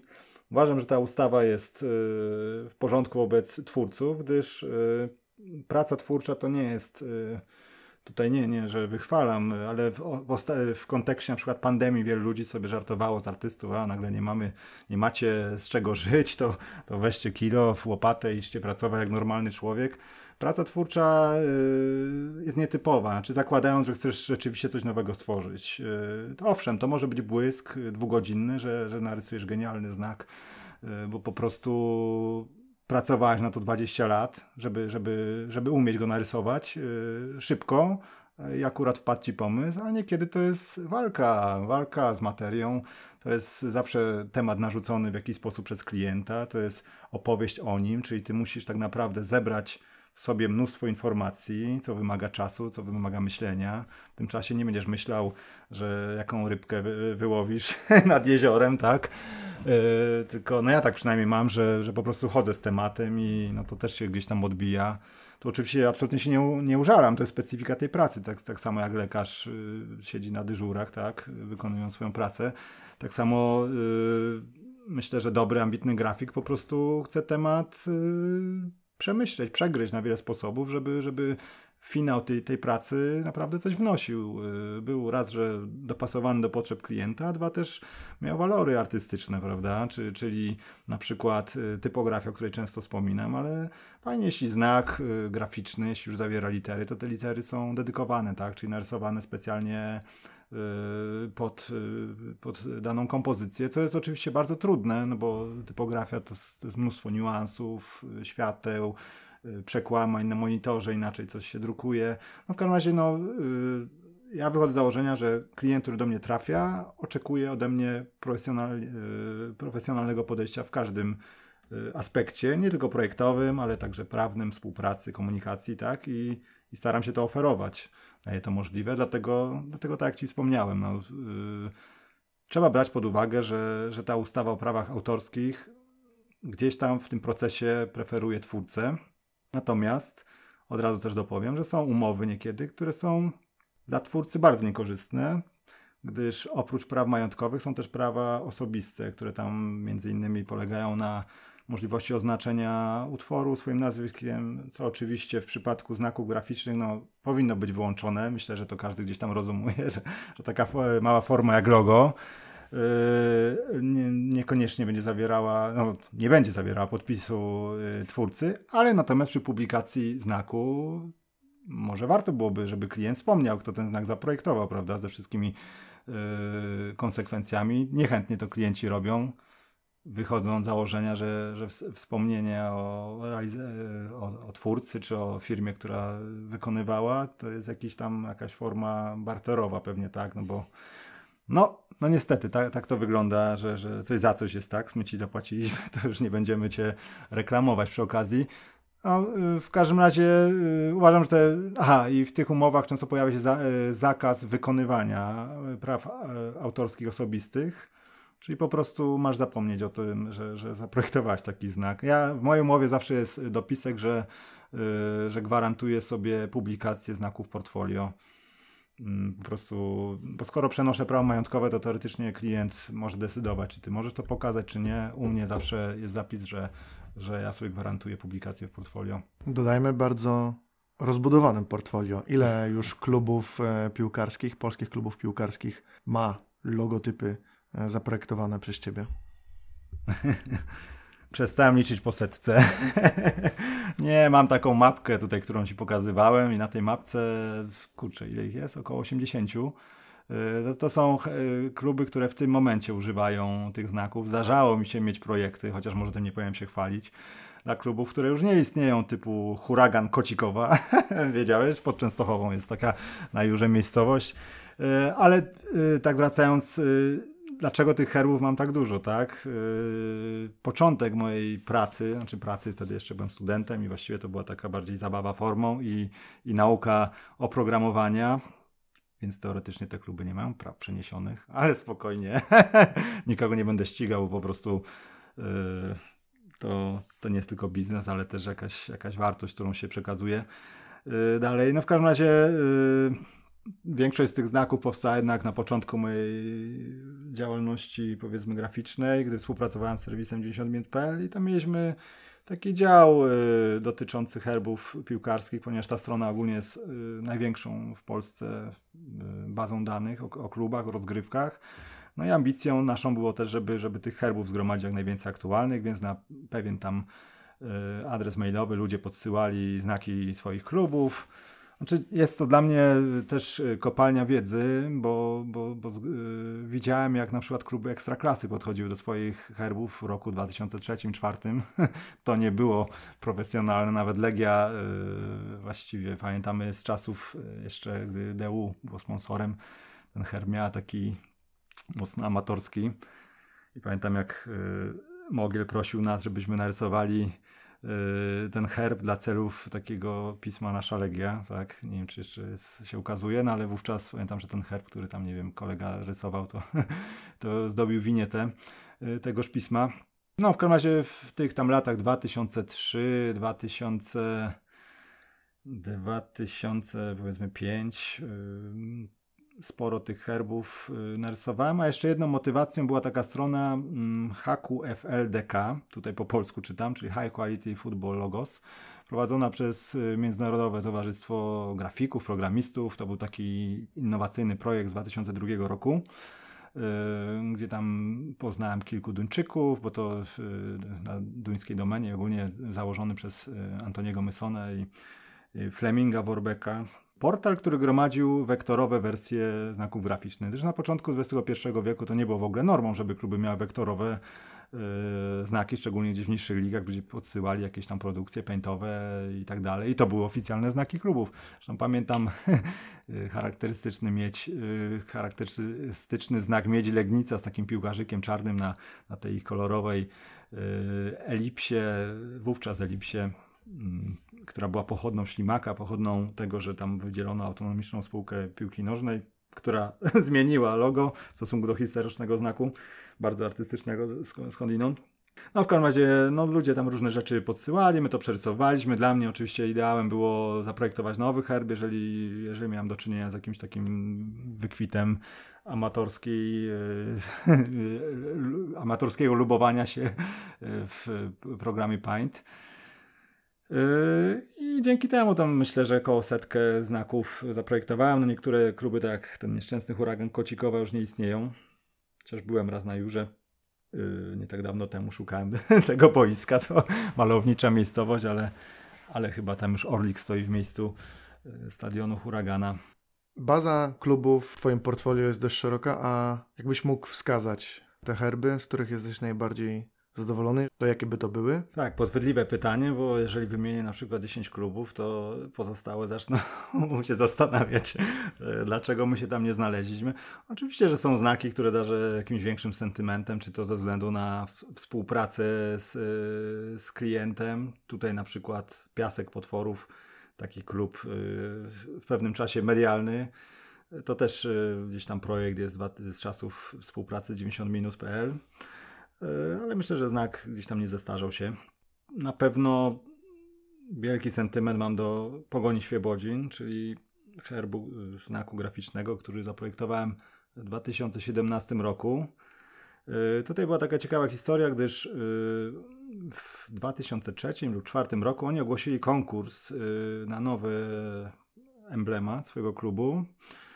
Y, czyli w czasach, gdy jeszcze tam uczyłem się grafiki, no i wysłałem tam kilka propozycji, ten konkurs y, no, przegrałem, tak, y, zwyciężył herb w postaci tarczy żółto-czerwonej z czarnym obrysem, napisem pogoń i piłką biedronką, ale narysowaną w kubistyczny sposób za pomocą jakichś tam takich pięciokątów, nie przypominając, znaczy no, w całości to wygląda jak biedronka, ale no taka powiedzmy niedopompowana. No w każdym razie e, znak ten e, tam został wdrożony w, yy, i trwał dopóki ten klub nie upadł. I w Świebodzinie przez, przez kilka lat nie było pogoni, bo oni tam chyba doszli do trzeciej ligi, zbankrutowali. Powstał taki klub Santos, który, którego właścicielem był Norbert Trudziński. I ten właśnie Norbert w 2017 napisał do mnie, zapytanie, czy, czy, czy bym zaprojektował nowy znak, y, bo funkcjonują jako Santos, ale chcą powrócić do nazwy Pogoń, która gdzieś tam jest y, charakterystyczna dla Świebodzina, bo raz, że w tym mieście, to jest miasto w województwie lubuskim. Po II wojnie światowej wiele, wiele rodzin z kresowych tam zostało osiedlonych, stąd w ogóle nazwa Pogoń. Jest to gdzieś tam taki, taka y, wartość tej społeczności, do której oni chcą się odnosić. Podzielam moje zdanie, że ten znak y, z biedronką kubistyczną to nie jest to, co, co on by chciał reklamować y, i, i budować swoją markę. I dał mi wolną rękę. Służ po swojemu ten znak. Y, tam długo myślałem, czy od razu wiedziałem, że to chciałem zrobić taki znak z rycerzem pogoni, takim linearnym rysunkiem.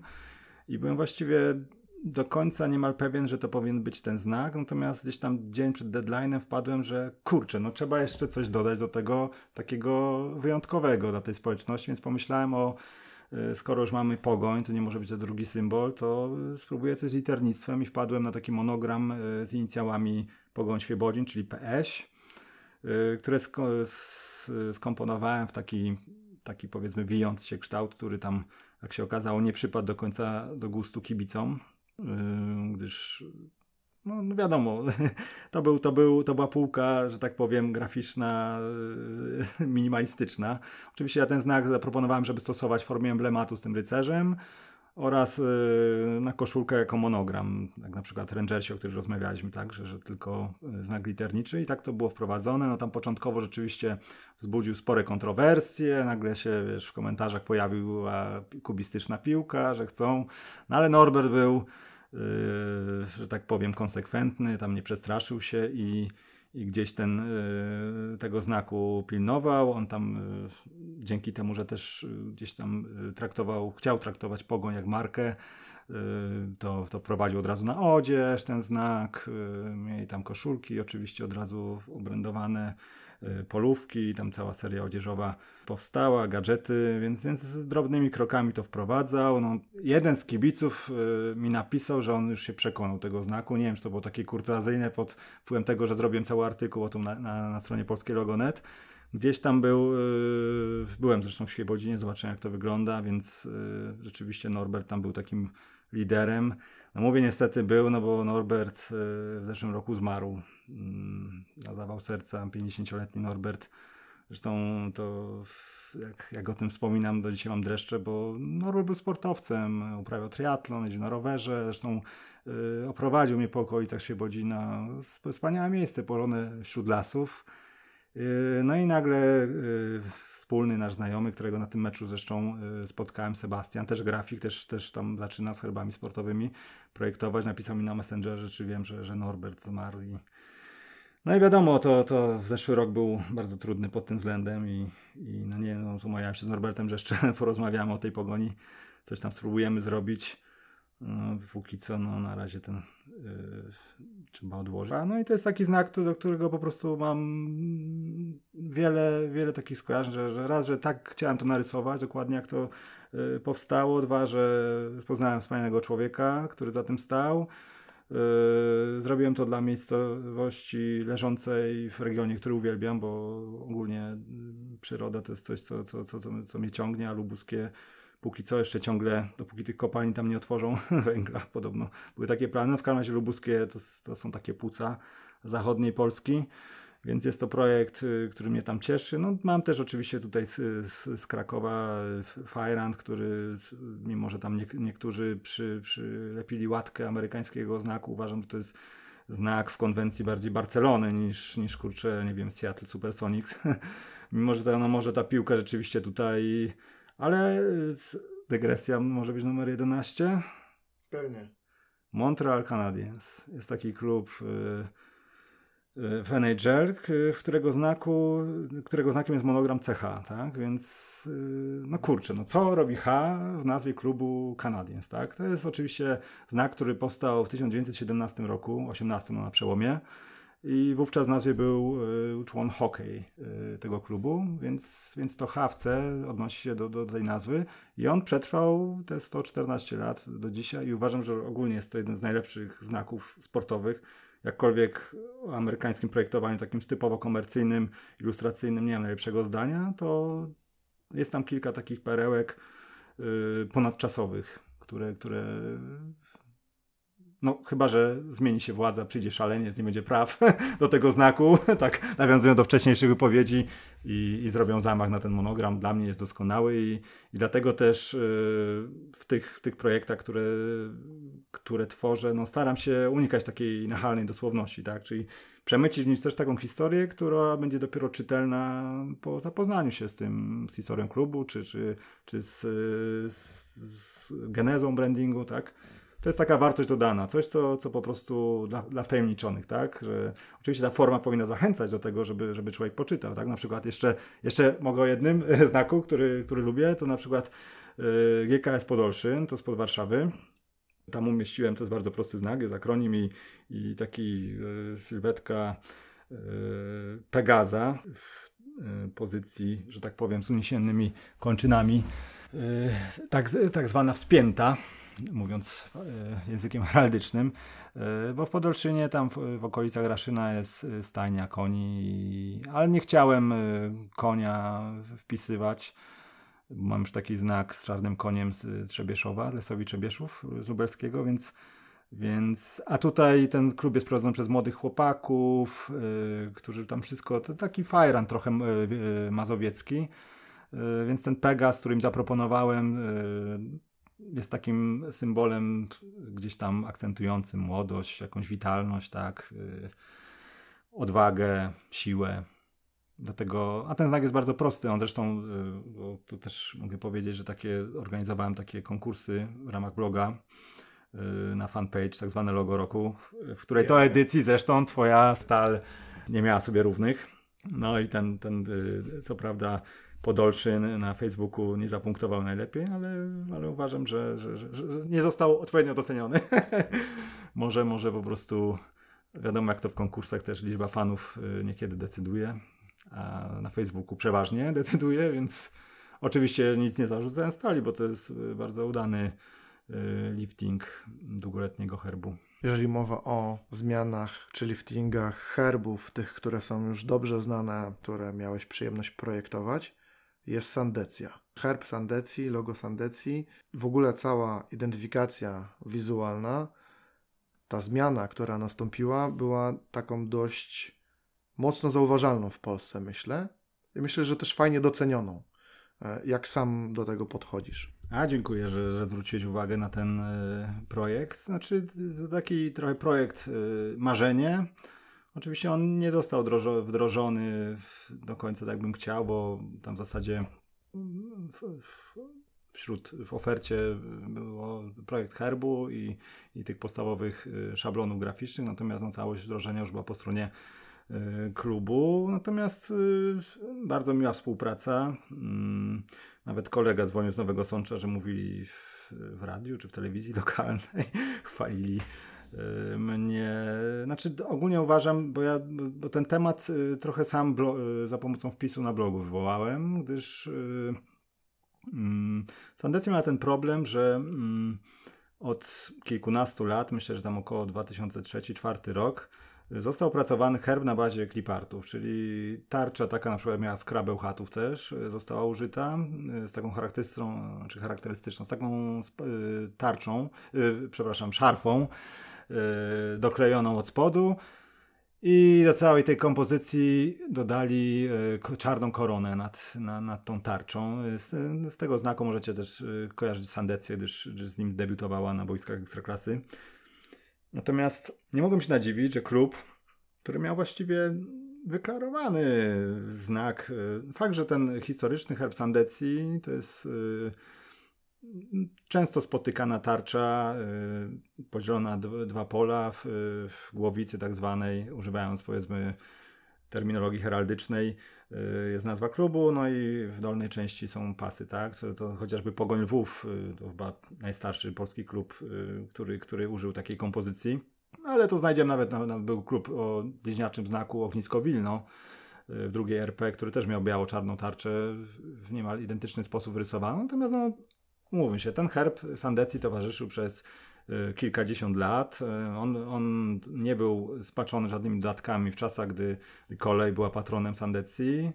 Funkcjonował jako y, kolejowy klub sportowy, potem komunikacyjny klub sportowy. Dygresja numer 12 jest klub Ostrowia w Ostrowie Wielkopolskim. Y, jak nazwa wskazuje, znaczy jest też Ostrów Mazowiecki, dlatego mówię, że Wielkopolskim. Y, w każdym razie tam też mieli taki y, trójkąt z zaokrąglonymi narożnikami. Historycznie to górna część była wypełniona pasami biało-czerwonymi, ale za komuny dodali tam znak kolejarza, czyli takie K w kółku ze skrzydełkami. I w zeszłym roku też yy, Ostrowia wróciła do tego znaku, bo w międzyczasie jeszcze miała jakieś takie z esami, floresami, mazami yy, i piłeczką, zupełnie zbędnymi elementami, bo ten herb jest w jakiś sposób w tej przedwojennej formie bardzo interesujący. Yy, no, Sandecja miała to szczęście, że, że żadne skrzydełka yy, kolejowe, emblematy zrzeszenia nie, nie, nie, nie, nie, nie komplikowały tej kompozycji, tylko no z jakichś powodów po prostu pewnie może jakichś własnościowych, może chęci odcięcia się y, po, po przekształceniu klubu na miejski z, z tam komunikacyjnego, kolejowego. Tę kompozycję skomplikowano i ja zasugerowałem y, prosto na blogu, że, że właściwie tutaj, tutaj trzeba to uprościć, po prostu. To jest świetny znak, świetne barwy, bieli czerń, świetna nazwa odnosząca się do regionu. Naprawdę ten klub y, malowniczo położony w Kotlinie Sądeckiej, y, klub z miasta milionerów, tam, tam to naprawdę mogłoby funkcjonować. I zasugerowałem, że pierwszym krokiem właściwie no, powinien być y, jakieś takie spojrzenie na ten klub jak na markę, czyli stworzenie znaku graficznego i elementów wyróżniających. Tam też taką, y, taką grafikę y, stworzyłem, że te pasy się tak wiły jak, jak fala. No, chciałem po prostu pokazać, że to jest coś takiego totalnie innego na polskim rynku. Może właśnie nie do końca sportowego, bo, bo tam rzeczywiście gdybyś wsadził piłkarza albo albo coś. Może dlatego też oni mieli trudność z wdrożeniem, bo, że, no bo jednak większość klubów preferuje y, wizerunek zawodnika, tak, we wszelkich tam nośnikach, czy jakieś tam takie y, miksy graficzno-zawodników. No tutaj to po prostu był ascetyczny design. To było też mniej więcej y, w okolicach Juventusu, brandingu, więc oczywiście też mogłem zrobić na przykład eskę, Y, jakąś tam za pomocą pasów rysowaną, ale to by nie zadziałało, tak? Bo kibice Sandecji też są specyficzni. To jest środowisko, y, nazwałbym y, konserwatywne, które ma swoje wartości i uważam, że trzeba to szanować, tak? Że, że, że, że, że jeśli mamy po prostu gdzieś tam określony, określony ten klub, określoną społeczność, to po prostu trzeba by eksponować y, ich symbol, narysować go profesjonalnie. Tutaj liternictwo wyrysowałem, ustaliłem proporcje tej tarczy, wypisałem tam fonty, których powinni używać. No i, i gdzieś, gdzieś powoli to wdrażają, prawda? No pojawił się herb na koszulkach, jest, jest w internecie. Może nie na taką skalę, jakbym jakbym chciał, no ale to od razu też muszę powiedzieć, że no, no nie ma co ukrywać, że większość yy, moich jakby tutaj klientów sportowych, yy, w sensie klubów, no, wybiera pakiet logo i księga znaku, tak, czyli absolutnie podstawowy.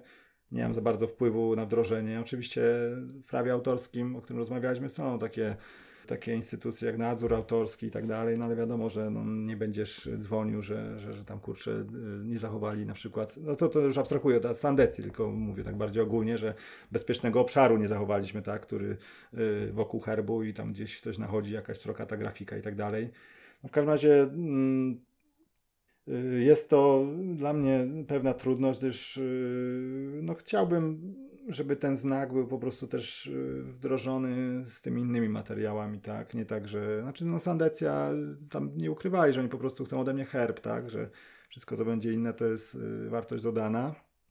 I no, są pewnie kluby, gdy, gdybym chciał, no tylko że na to nie ma za bardzo budżetu, tak, no ale że mógłbym poświęcić powiedzmy pół roku i po swojemu to wdrożyć. Zresztą Fajerancie, no mówmy się, że przez rok właściwie robiłem wszystko dla tego klubu, co, co tylko było potrzebne, od, od projektów gadżetów po programy meczowe, bilety, cegiełki, szaliki, yy, social media. Kartę kibica. O, tak.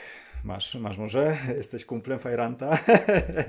Byłem blisko. Byłeś blisko, no, więc, więc yy, tutaj miałem okazję się też wykazać, tylko że no, zabierało to dużo czasu i gdy, gdy doszedłem do etapu, że musiałem wybierać, życie zawodowe, rodzinne, fajrant, to, to, to po prostu doba stała się nagle za krótka. A jeżeli chodzi o ekstraklasę, które kluby Twoim zdaniem powinny pomyśleć, jeżeli w ogóle, o odświeżeniu swojej wizualizacji w takim kierunku, czy w tym kierunku, w którym poszedł Juventus, Nantes, czy, czy, czy inne kluby? Czy jest w ogóle przestrzeń na to? Kolejne dobre pytanie. Oczywiście pierwsza myśl to Warta Poznań, gdzie, gdzie, gdzie wystarczyłoby wrócić do przedwojennego emblematu, czyli y, okręgu zielonego z literką W. Zresztą tak jak wspominałem dzisiaj, to W wyciągnąłem.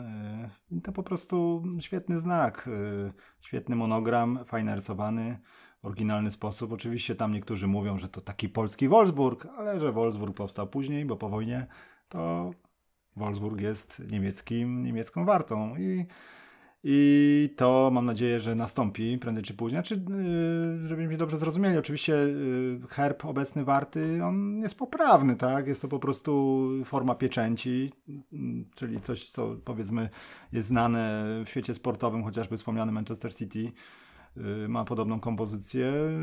Jest on czytelny, może ten y, sam inicjał jest w tym wszystkim najgorzej narysowany, bo po prostu tak no, ta kreska nie jest konsekwentna. Y, zwęża się tam przy końcówkach y, W i tam zamiast takiego zagięcia po bokach tego glifu jest, jest, taka plamka. No w każdym razie warta, myślę, że to jest ten, ten przykład, gdzie, gdzie jesteśmy w stanie to zrobić i nie spotka się to z takim negatywnym e, odzewem, jak w przypadku, nie wiem, gdyby to była Wisła Kraków.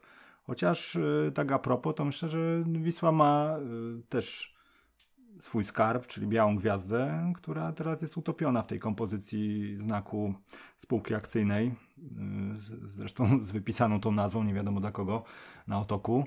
Więc y, tu pewnie byłby ten rebranding bardziej kontrowersyjny, ale też uważam, że Wisła powinna zdecydowanie uprościć ten herb, nawet, nawet w stosunku do tego herbu Towarzystwa Sportowego. Y, po prostu rekomendowałbym, żeby zostawić na nim białą gwiazdę, ewentualnie rok założenia, czerwoną tarczę i, y, i niebieską szarfę mm, wpisaną. Zresztą coś takiego kurczę, no głupio mówić, ale dla mm, organizacji Socjos Wisła zapro, zaproponowałem taki znak, który używają, czyli wpisałem ten y, element wyróżniający y, wiślaków y, w, w, inicjał S. Więc y, uważam, że to jest też kierunek dla, dla klubu y, największego Krakowa i Małopolski.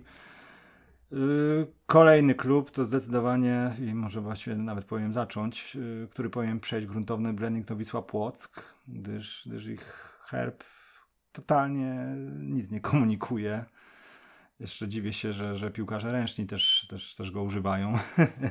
znaczy z Wisłą Płock jest y, dosyć skomplikowana historia, bo oni za bardzo nie mają się do czego odnosić. Oczywiście kibice tutaj mają swój znak z tak zwaną petką, czyli z logo Petrochemii świetnym znakiem y, Witolda Surowieckiego z 1963 roku, jeśli nic nie pomyliłem, y, przepraszam, ale do dat mam niestety kiepską pamięć. No w każdym razie i ten znak był w takiej kompozycji z niebiesko-białymi pasami i takim wieńcem z jednej strony używany.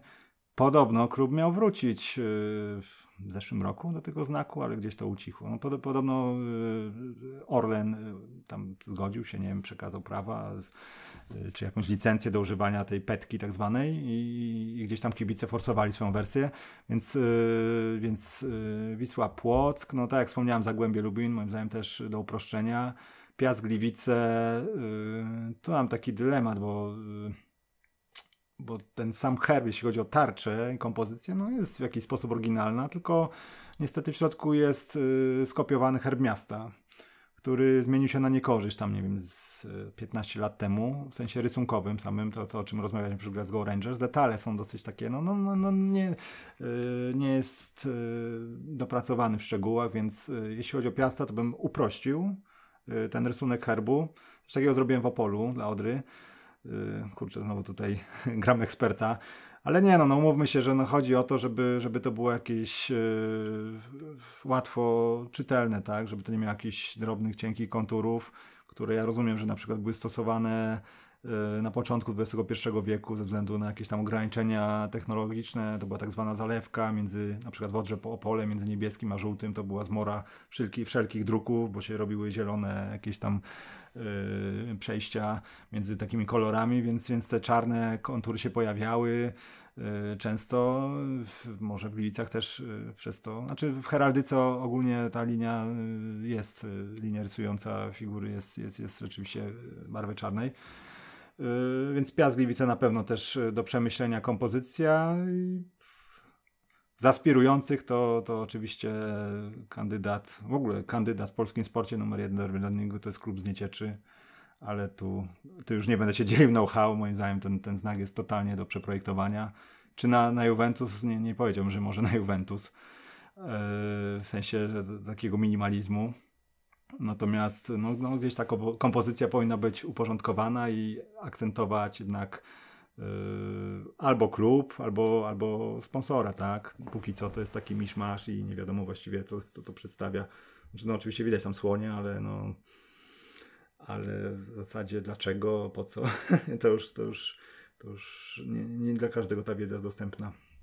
Zrobiłeś na swoim blogu czy, czy serwisie Polskie Logonet wiele zestawień różnych klubów, ich brandingów, logotypów, a które z nich uważasz, lub których jeszcze nie dotknąłeś, a uważasz, że aspirują do tego miana, najlepszego brandingu małego, lokalnego klubu? które mógłbyś wyróżnić e, za ciekawą identyfikację? Niekoniecznie muszą być Twoje. Nie mogą być moje, bo przecież już wystarczy tej autopromocji. Nie, no żartuję. Oczywiście, jeśli tak pomyśleć, to znak, który, znaczy inaczej, marka sportowa polska klubu z niższej ligi, która zwróciła moją uwagę i uważam, że jest robiona w dobry sposób, to AKS Warszawa. Jest tam oczywiście mocny podkład ideologiczny, i to jest ich atut, że, że wiadomo, jacy oni są od razu. Jest znak ultra prosty, czyli inicjał w rąbie, jest takim charakterystycznym przełamaniem. Co prawda, sam ten inicjał bardzo nam przypomina logo sklepu Zgoda. Jest, jest taki sklep, nie wiem kto był pierwszy, ale mniejsza o to. Myślę, że, że to nie o to chodzi, bo, bo nie jest to jakaś taka zrzynka, tylko po prostu może jakiś taki pomysł, bo, bo ogólnie powiedzmy sobie szczerze, minimalizm to jest dążenie do prostoty jest yy, ryzykiem, że po prostu ktoś już na to wpadł wcześniej, prawda? Bo im bardziej to jest skomplikowane, tym, tym mniejsza taka szansa, to, to jest logiczne. Więc yy, no w każdym yy, jest to coś yy, nowego, charakterystycznego. Yy, utrzymanego w pewnym takim reżimie projektowym, więc, więc yy, jeśli chodzi o taki branding klubu z lig, to, to zdecydowanie yy, warto, warto zwrócić uwagę na AKSW. Jeszcze o nich nie, nie pisałem, wybierałem się do nich, yy, żeby jakąś tam taką zrobić fotorelację meczową, y, pogadać z nimi, jak, jak oni funkcjonują. Y, natomiast no, ze względów wiadomych y, ograniczeń pandemicznych to, to, to muszę odłożyć y, ten, ten reportaż na jakiś czas, ale myślę, że, że, że kiedyś wrócimy do, do normalności jakiejś sportowej, że, że będziemy mogli się z ludźmi kontaktować. Od siebie powiem, że ja miałem akurat tą przyjemność e, być na meczu AKS Zły kobiet. E, fantastyczna atmosfera, przyznam szczerze. Mam nadzieję, że wreszcie wrócą kibice na stadiony i jeszcze, jeszcze na taką atmosferkę nieraz się pojedzie, bo mm, ja się bawiłem fantastycznie na, na meczu. Nie pamiętam, która liga, przepraszam.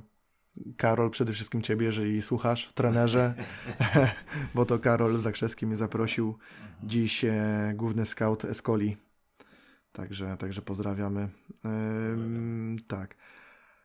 Okej, okay, to jeżeli mowa o herbach, a cały czas o nim rozmawiamy, e, raz nazywamy je herbem, raz logotypem, raz emblematem. W czym tkwi różnica pomiędzy poszczególnymi nazwami i jak powinniśmy w ogóle nazywać dzisiejsze herby slash logotypy klubów piłkarskich? Tak, tutaj rzeczywiście mm, w środowisku sportowym, a myślę, że, że nie tylko znaki graficzne y, klubów są nazywane herbami. Oczywiście w języku potocznym to jak najbardziej może funkcjonować. Mówiąc her piłkarski, wiesz, wiesz właściwie jest jasność, że, że mówisz o, o, o znaku klubu, tak? No, mm, ja mam z tym taki problem, że staram się gdzieś tam y, też merytorycznie, historycznie do tego podchodzić i, i znaki sportowe po prostu nie są tworzone w myśl reguł heraldycznych, więc gdyby pewnie historyk miał się tutaj wypowiedzieć, że absolutnie z herbami to ma niewiele wspólnego. Oczywiście są y, znaki, które gdzieś tam czerpią y, z heraldyki, wspomniana tutaj Sandecja czy Polonia Bytom. To są znaki takie, które nazywam quasi-heraldycznymi, czyli gdzieś tam wywodzącymi się z heraldyki, ale może nie do końca y, oddającymi reguły heraldyki możliwymi do obrazonowania. Yy, jeśli ktoś się interesuje heraldyką, to wie, że na przykład y, tam nazwy nie, nie występują praktycznie, jakieś dłuższe formy liternicze, zdarzają się inicjały. I przede wszystkim herby zatwierdza Komisja Heraldyczna, w sporcie nie mamy takiej, yy, takiej instytucji, która by tutaj yy, opiniowała. Ja proponuję mm, słowo znak graficzny, które oczywiście jak pisałem kiedyś o znakach sportowych, to, to ktoś mi napisał w komentarzu, że znaki to mogą być drogowe. Prawda? Ale jest to takie określenie z jednej strony brzmiące po polsku, w przeciwieństwie do, do logo, nomen omen, który, które używam zawsze w formie nieodmiennej. Tego nazwa serwisu polskie logo, a nie polskie loga na przykład, albo polskie logotypy. Logotyp, to od razu powiem, y, to jest y, błędne określenie y, kompozycji zawierającej grafikę, gdyż jest to po prostu znak literniczy. Coca-Cola na przykład. No, jest to forma wypisana za pomocą za pomocą liter w jakiś tam unikalny, charakterystyczny sposób. No oczywiście ona może zawierać jakieś akcenty graficzne, ale, ale raczej tak traktujemy, y, przynajmniej w żargonie graficzno, jakimś tam marketingowym, znaki typowo liternicze. Logo to jest już y, element zbudowany z, z części graficznej, zwanej sygnetem albo ikoną, piktogramem, symbolem. Lubię ten, ten, ten zwrot. Y, zestawionym z logotypem właśnie, czyli z tą nazwą wypisaną w charakterystyczny sposób. Y, jest też określenie emblemat, które też y, tutaj oddaje bardziej formę taką, nazwijmy to tradycyjną znaków, czyli kompozycję graficzno-literniczą umieszczoną w jakiejś tam tarczy. Więc możliwe, że słowo emblemat byłoby tutaj najbardziej adekwatne. Natomiast y, wydaje mi się, że, że spokojnie możemy mówić o znakach sportowych, y, o takiej konstrukcji, o herbach sportowych też, z tym założeniem, że no, jednak no, nie są to formy wpisane w jakieś reguły, prawda? Dzisiaj ta grafika, o której wspominałem, ona była taką zabawą, próbą pokazania, jakby te nasze y, najstarsze polskie herby ligowców, y, czy herby najstarszych polskich ligowców wyglądały, gdyby miały być herbami Y, oczywiście nie jedno do jednego, bo tam też pewne zestawienia kolorystyczne i tak dalej byłyby wyeliminowane przez reguły heraldyki, no ale w każdym razie no, byłoby trochę chyba nudniej, tak? Gdyby wszystkie y, kluby miały jednakową tarczę y, wypełnienia tam z ograniczonej gamy kolorystycznej, figury układane w konsekwentny sposób. Możliwe, że to jest jakiś trend przyszłości, tak, że będziemy wracać do heraldyki od tego, od czego to wszystko powstało, czyli takich y, bardziej skomplikowanych y, emblematów, chociaż oczywiście nie wszystkich, bo tutaj tutaj nigdy nie było żadnych wytycznych, y, znaczy pisałem ostatnio o wioślarstwie, to tam rzeczywiście u zarania bo to jeszcze były czasy zaborów, znajdziemy takie zalążki weksylologii, czyli, czyli rysowania bander, klubów żeglarskich, czy, czy kompozycje godła, które tutaj w zaborze mm, rosyjskim nawiązywały do y, WTS-u, Warszawskiego Towarzystwa, nie, przepraszam, Warszawskiego Towarzystwa Wioślarskiego, oczywiście, nie, nie, nie WTS.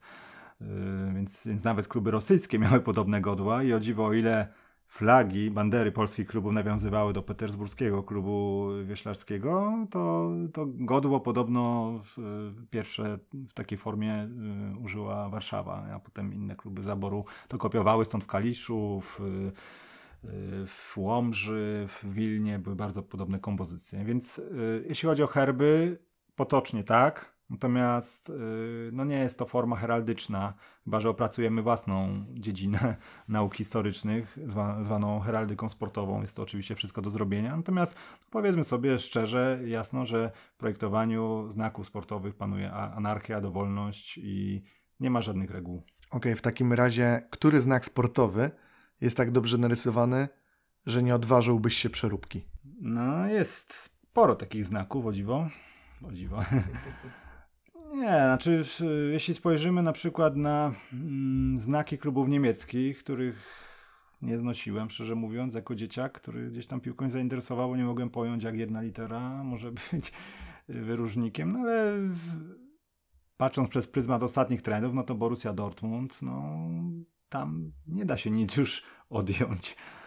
No chyba, że ktoś by chciał, nie wiem, pozbyć się daty założenia i 09 usunąć tego znaku, a nie, to jest świetny, mocny znak, tak, z perspektywy powiedzmy człowieka, który tą branżę gdzieś yy, za przeproszeniem obąchał od różnych stron i, i myślał po prostu o tym, dlaczego te znaki są takie, jakie są to ten niemiecki taki minimalizm, on jest tak naprawdę ponadczasowy.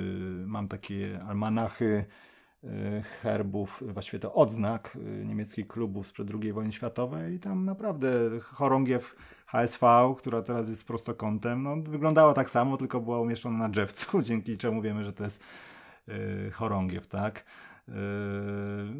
Więc, więc tutaj w Niemczech pewnie znajdziemy dużo dobrych znaków. No, Bayer to oczywiście, znaczy, umówmy się, no, te znaki klubów y, topowych, europejskich, no tam nie ma przypadku w większości. No, Rangersi to się wychalili, pewnie Celtic też powinien zrobić lifting.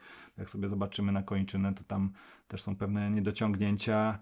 Yy, więc tutaj możemy z, z, ostatnich znaków, takich, które zwróciły nam na uwagę, na przykład yy, emblemat Lille, Y, był fajnie tak narysowany, jako taki mocny znak. Znaczy ja ogólnie bardzo lubię kontur, lubię mocny kontur y, w znakach sportowych.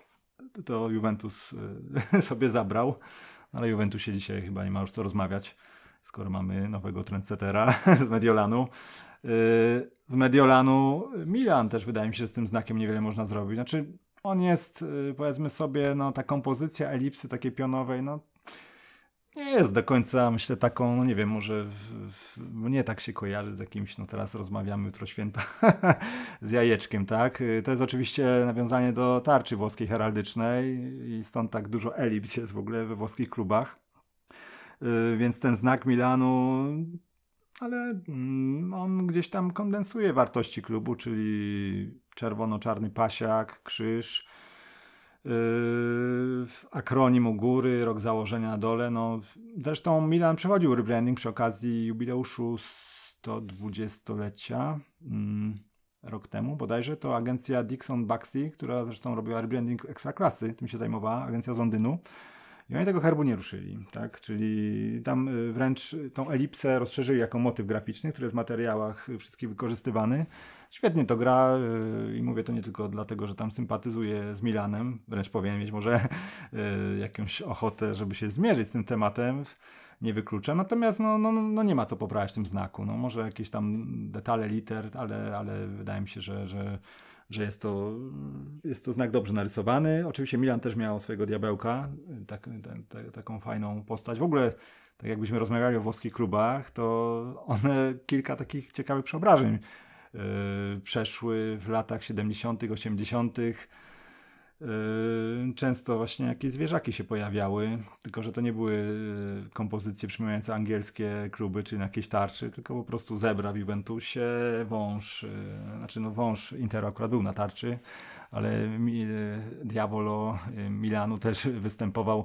Oni zresztą też przy okazji tego jubileuszu ten, ten symbol pokazali, tam zestawiają z rokiem założenia jako taki logotyp ale to właściwie, no, no, no nie wiem, gdyby mieli wracać do, do takiego herbu. Oczywiście, gdyby za tym szła jakaś identyfikacja, to pewnie nie pojawiłbym na San Siro protestować, nie, nie, nie hejtował w social mediach, bo, bo uważam, że no gdzieś tam, chociaż o, przypomniało mi się, że Milan jednak miał taką próbę, stworzył coś takiego dziw, dziwacznego, kulkę, taką kulkę z gradientem, yy, coś jak znak play, gdzie, gdzie, gdzie był ten motyw pasiasty, wpisałem taką przestrzenną strukturę, to to była kulka Milanu, jeszcze z napisem jakimś takim klasycznym i to się nie przyjęło. No, przy czym no, nie pamiętam kontekstu, czy to było wprowadzone jako taki, jakiś trademark, znak powiedzmy handlowy, tak, do jakichś tam y, działań, nie wiem, y, odzieżowych czy czegoś, czy po prostu nieśmiała jakaś próba zmiany herbu, natomiast to się absolutnie nie przyjęło.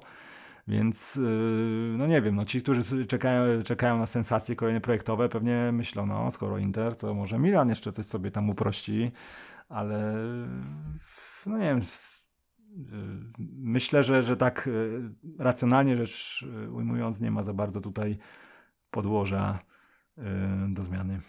Mówiliśmy dużo o efektach Twojej pracy, a teraz chciałbym porozmawiać o samej Twojej pracy. Skąd w ogóle, już tak zaczynając od samego początku, skąd w ogóle bierzesz inspirację? Ogólnie staram się unikać kopiowania, taką mam zasadę, że, że nie chcę powtarzać tego, co, co robią inni, więc jeśli pada hasło Juventus i mam klub o nazwie dajmy na to Juvenia, to nie będę im próbował jotki zrobić biało-niebieskiej, bo to jest bez sensu, tak? Takie naśladownictwo. Yy, oczywiście możemy czerpać yy, samego wdrożenia tego znaku, czyli sposób prezentacji całego, yy, całego procesu, spo, sposób opowiedzenia o tym, więc, więc no nie ukrywam, że śledzę te trendy, śledzę te prezentacje, animacje, które kluby pokazują. Zawsze cieszę się, jak ktoś mnie oznaczy gdzieś w social mediach, że Liga San Marino zmieniła logo, no bo to gdzieś tam jest ciekawe, nie tylko żeby to gdzieś tam retweetować, ale po prostu, żeby zobaczyć, jak sobie ludzie radzą ze zmianą znaku, więc, więc nie. Raczej jeśli w kontekście samego projektowania znaków staram się unikać yy, jakichś przeglądów. Oczywiście robię yy, research zawsze, żeby po prostu nie skopiować jakiegoś pomysłu, tak? Czyli jak mam na przykład zaprojektować jaskółkę, no to szukam gdzieś na stronach polskich, zagranicznych, wszystkich znaków, które tą jaskółkę zawierają, żeby zrobić po prostu coś innego sam proces, y, no tak, no czyli jest analiza. No przede wszystkim, y, tak jak w przypadku tego y, tak zwanego wirtualnego mojego klubu, staram się określić w iluś tam zdaniach, kontek- yy, jakichś frazach yy, rzeczy charakterystyczne, cechy jakieś charakterystyczne, atrybuty tego klubu, tak? Czyli ewentualne historyczne symbole, historyczne warianty danego herbu jeżeli to ma być oczywiście rebranding, bo jeśli ma być to zupełnie coś nowego, no to, to, to, to przeprowadzam wywiad po prostu zamawiającym, y, w jakim środowisku żyje, co jest charakterystyczne dla danej miejscowości, y, czy, ewentualnie czy, czy, czy ma, bo ja też tutaj nie zawsze chcę narzucać. Znaczy, oczy, oczywiście idealnie jest, jak, jak, jak, jak mogę stworzyć zupełnie coś od zera, tak, według własnej wizji, no ale często ludzie mają jakieś tam y, swoje pomysły, które po prostu wymagają weryfikacji albo doszlifowania. Y, no, więc, więc to jest ten proces taki koncepcyjny, oczywiście dużo szkicowania odręcznego, mam tutaj notatnik taki. Nie ukrywam też, że często pomysłów szukam w naturze, czyli gdzieś się staram po prostu, żeby ta głowa była przewietrzona, tak? No tak jak ci mówiłem, no to, to nie, nie, nie jest sytuacja, znaczy koszt jest taki, że jeżeli mam na, przykład niekiedy zaprojektować logo, jest piątek wieczór, to, to ja o tym myślę, nie? Bo mam, nie wiem, deadline na środę, i ze szkiców, które wykonałem, nie, nie, nie wyklarował mi się żaden symbol, no to piątek wieczór i, i przy piwie jestem w stanie czasem nawet myśleć o, o znaku artysta. graficznym. No niestety jest to ta cena, jest to rzecz taka, no yy, powiem, z jednej strony przyjemna, bo, bo gdzieś ten umysł ciągle pracuje, tak? Kreatywność ogólnie to jest bardzo przyjemny proces. Niestety kreatywność zawsze ma jakieś ramy, jeśli chodzi o, o branżę usługową. Yy, natomiast no, jeśli jesteś dobrym yy, negocjatorem, jeśli potrafisz rozwiązanie odpowiednio sprzedać, no to wtedy myślę, że na więcej sobie możesz pozwolić. Ale oczywiście są też, jeśli już jesteśmy w procesie, są klienci, którzy za wszelką cenę będą próbowali udo, udowodnić ci, że się nie znasz, że masz zrobić po ich niemu, no ale wtedy to już, to już taka współpraca zawsze dochodzi do pewnego etapu decyzyjnego, czy ją kontynuować, czy, czy niestety mm, pożegnać się. Tutaj od razu zadam jedno z pytań, które do mnie trafiło od społeczności Skybox Podcast. Czy miałeś sytuację, że zrobiłeś fajne logo, znak sportowy i klient zmienił na gorsze, a ty musiałeś to zaakceptować? tak, pozdrawiam. Pozdrawiamy tego... grafików, którzy zadali. Dobre pytanie. Czy w znakach dla firm rzeczywiście niekiedy mi się zdarzało, gdzieś tam no, no nie dopłynęliśmy do finiszu. W znakach sportowych mamy jakąś taką pozycję trochę uprzy, uprzywilejowaną, przynajmniej pod tym względem, że jeśli do mnie trafia zamawiający i przejdzie przez etap oferty, to on wie, że chce to ze mną robić i zdaje się na moje rekomendacje. Oczywiście było kilka takich projektów, gdzie, gdzie musiałem jakieś poprawki nanieść, których nie chciałem, gdyż yy, zakłócały jakiś tam wstępny obraz yy, grafiki, no, w, na przykład yy, liftingi herbów. Tutaj no, często to jest tak naprawdę współpraca ścisła z klientem yy, na zasadzie, że no, mm, na przykład nie chcę, żeby była pełna nazwa w tym emblemacie, a klient tego wymaga, bo kibice tego oczekują. No tutaj podam przykład y, Chrobrego Głogów, który myślę, że no, to był projekt, który trwał pół, pół roku właściwie i to nie same prace projektowe, tylko etap jakby zatwierdzania, konsultacji. Yy, tam od takiej odważnej wersji doszliśmy do takiej najbardziej bezpiecznej, natomiast no, yy, myślę, że yy, finalnie ten, ten projekt był w jakiś sposób trafiony, tak? Czyli po prostu wyczyściliśmy ten historyczny herb z błędów jakichś tam rysunkowych, a skoro on jest możliwe publikację jego na szaliku, na tych pinsach, tak, czyli no gdzieś, gdzieś y, możliwie czytelny znak z tej bardzo skomplikowanej kompozycji. Natomiast no to był projekt, że tak powiem, zespołowy, konsultowany tam przez, y, przez pracowników marketingu Chrobrego z, z kibicami. Podobnie było przy Odrze Opole, też tam y, pewne były negocjacje, że tak powiem, jeśli chodzi o kolorystykę, o kształt liter. Yy, no, wiadomo, lifting, yy, lifting to jest tutaj, yy, że tak powiem, interpretacja pewnego historycznego wzoru. Tak w ogóle myślę, no nie wiem, tutaj znowu odejdę trochę, ale powinniśmy sobie powiedzieć w ogóle, że sam proces zmiany znaku może trójtorowo przebiegać, tak? Czyli jest lifting znaku, czyli po prostu nadanie bardziej współczesnej, może uproszczenie, może nie wiem, narysowanie od nowa, ale trzymanie się koncepcji historycznej, ale narysowanie jej w jakiś tam sposób bardziej y, współczesny za pomocą narzędzi, które mamy dostępne, cyfrowe, precyzyjne. Drugą opcją jest y, sięgnięcie na przykład do korzeni klubu, tak? Jeśli, jeśli wyczerpała się jakaś formuła, chcemy przeprowadzić rebranding, natomiast współczesny, współczesny znak nie daje nam żadnych korzyści. Natomiast mamy bogatą historię, były inne herby w historii i, i, sięgamy do tego, tak? Czyli to jest takie, powiedzmy, tylko że oczywiście we współczesnym wydaniu, nie na zasadzie, że tam jakąś pieczątkę z 23 odrysowujemy jeden do jednego, wypełniamy kolorem i to sobie tak funkcjonuje, tylko nadanie temu współczesnej formy, typografii i tak dalej. No a trzecia forma to oczywiście gruntowny rebranding, czyli zmiana, yy, zmiana symbolu, z, no, nowe spojrzenie, no, coś, coś powiedzmy, co, co stało się w Turynie, tak? Yy, czyli, czyli znalezienie zupełnie nowej formy, która, no ale to wiąże się też jakby z szukaniem nowej tożsamości dla klubu, nowego, nowej historii, którą chcemy opowiedzieć, tak? To już, to już nie jest sięganie przeszłości, tylko patrzenie w przyszłość, ryzykowne jak dla mnie, bo nie wiemy jaka jest przyszłość. Znaczy ja wiem, że to jest, to jest na zasadzie próby otwarcia się, może, może to jest, y, nie wiemy do końca co w tych gabinetach y, się działo, ale tak teraz wspominam ten Montreal Canadiens, to może to jest kwestia taka, że my chcemy na przykład wejść na amerykański rynek i patrzymy jakie tam znaki funkcjonują, bo jednak klub NHL czy NBA to są marki globalne, tak? To jest, to jest produkt y, marketingowy właściwie najwyższej jakości, jeśli chodzi oczywiście o umasowienie. Yy, więc, więc może to jest jakieś takie myślenie, prawda? Plus jeszcze tendencja Włochów do jakichś tam eksperymentów yy, ze świata mody czerpanych, tak? Które niekoniecznie są powiedzmy ładne w cudzym słowie, tylko, tylko po prostu są odważne, wyzywające, zaczepiające spojrzenie, więc no, więc, więc zdarza się i myślę, że jeśli klub taki powiedzmy Tutaj, nie wiem, podałbym przykład Rakowa, tutaj nie kibice mogą mnie nie polubić, ale no myślę, że ten klub mógłby swoją historię napisać y, od nowa. Znaczy oczywiście zachowując tam odniesienia do historii w postaci barw, w postaci jakichś elementów. No tutaj jest y, problem taki, że, że, że historycznym symbolem klubu są kominy, tak, z, z huty który to symbol trochę w, w jest w poprzek tego, jak, jak te marki wszystkie podążają, czyli no, w, w, w rytm eko religii się nie wpisuje.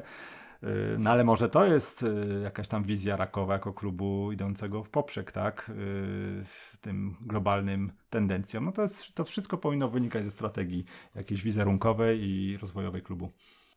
Tak jakby pociągnę temat troszkę dalej czy było tak kiedykolwiek, że z klientem stwierdziliście, że mamy super logo, dobra, idziemy z tym i ostatecznie, mimo że projekt został zaakceptowany, to nie ujrzał świata dziennego, bo kibice to zablokowali na przykład. Zdarzyło mi się, że projekt został opublikowany, po czym klub się wycofał. Tutaj jest przypadek łódzkiego klubu sportowego, który, mm, który yy, dwa lata temu właściwie się to działo. ŁKS świętował 110 urodziny i tam marketing postanowił przywrócić, yy, znaczy yy, świętować ten yy, jubileusz z okolicznościowym znakiem w wersji najstarszej, jaką klub posiadał.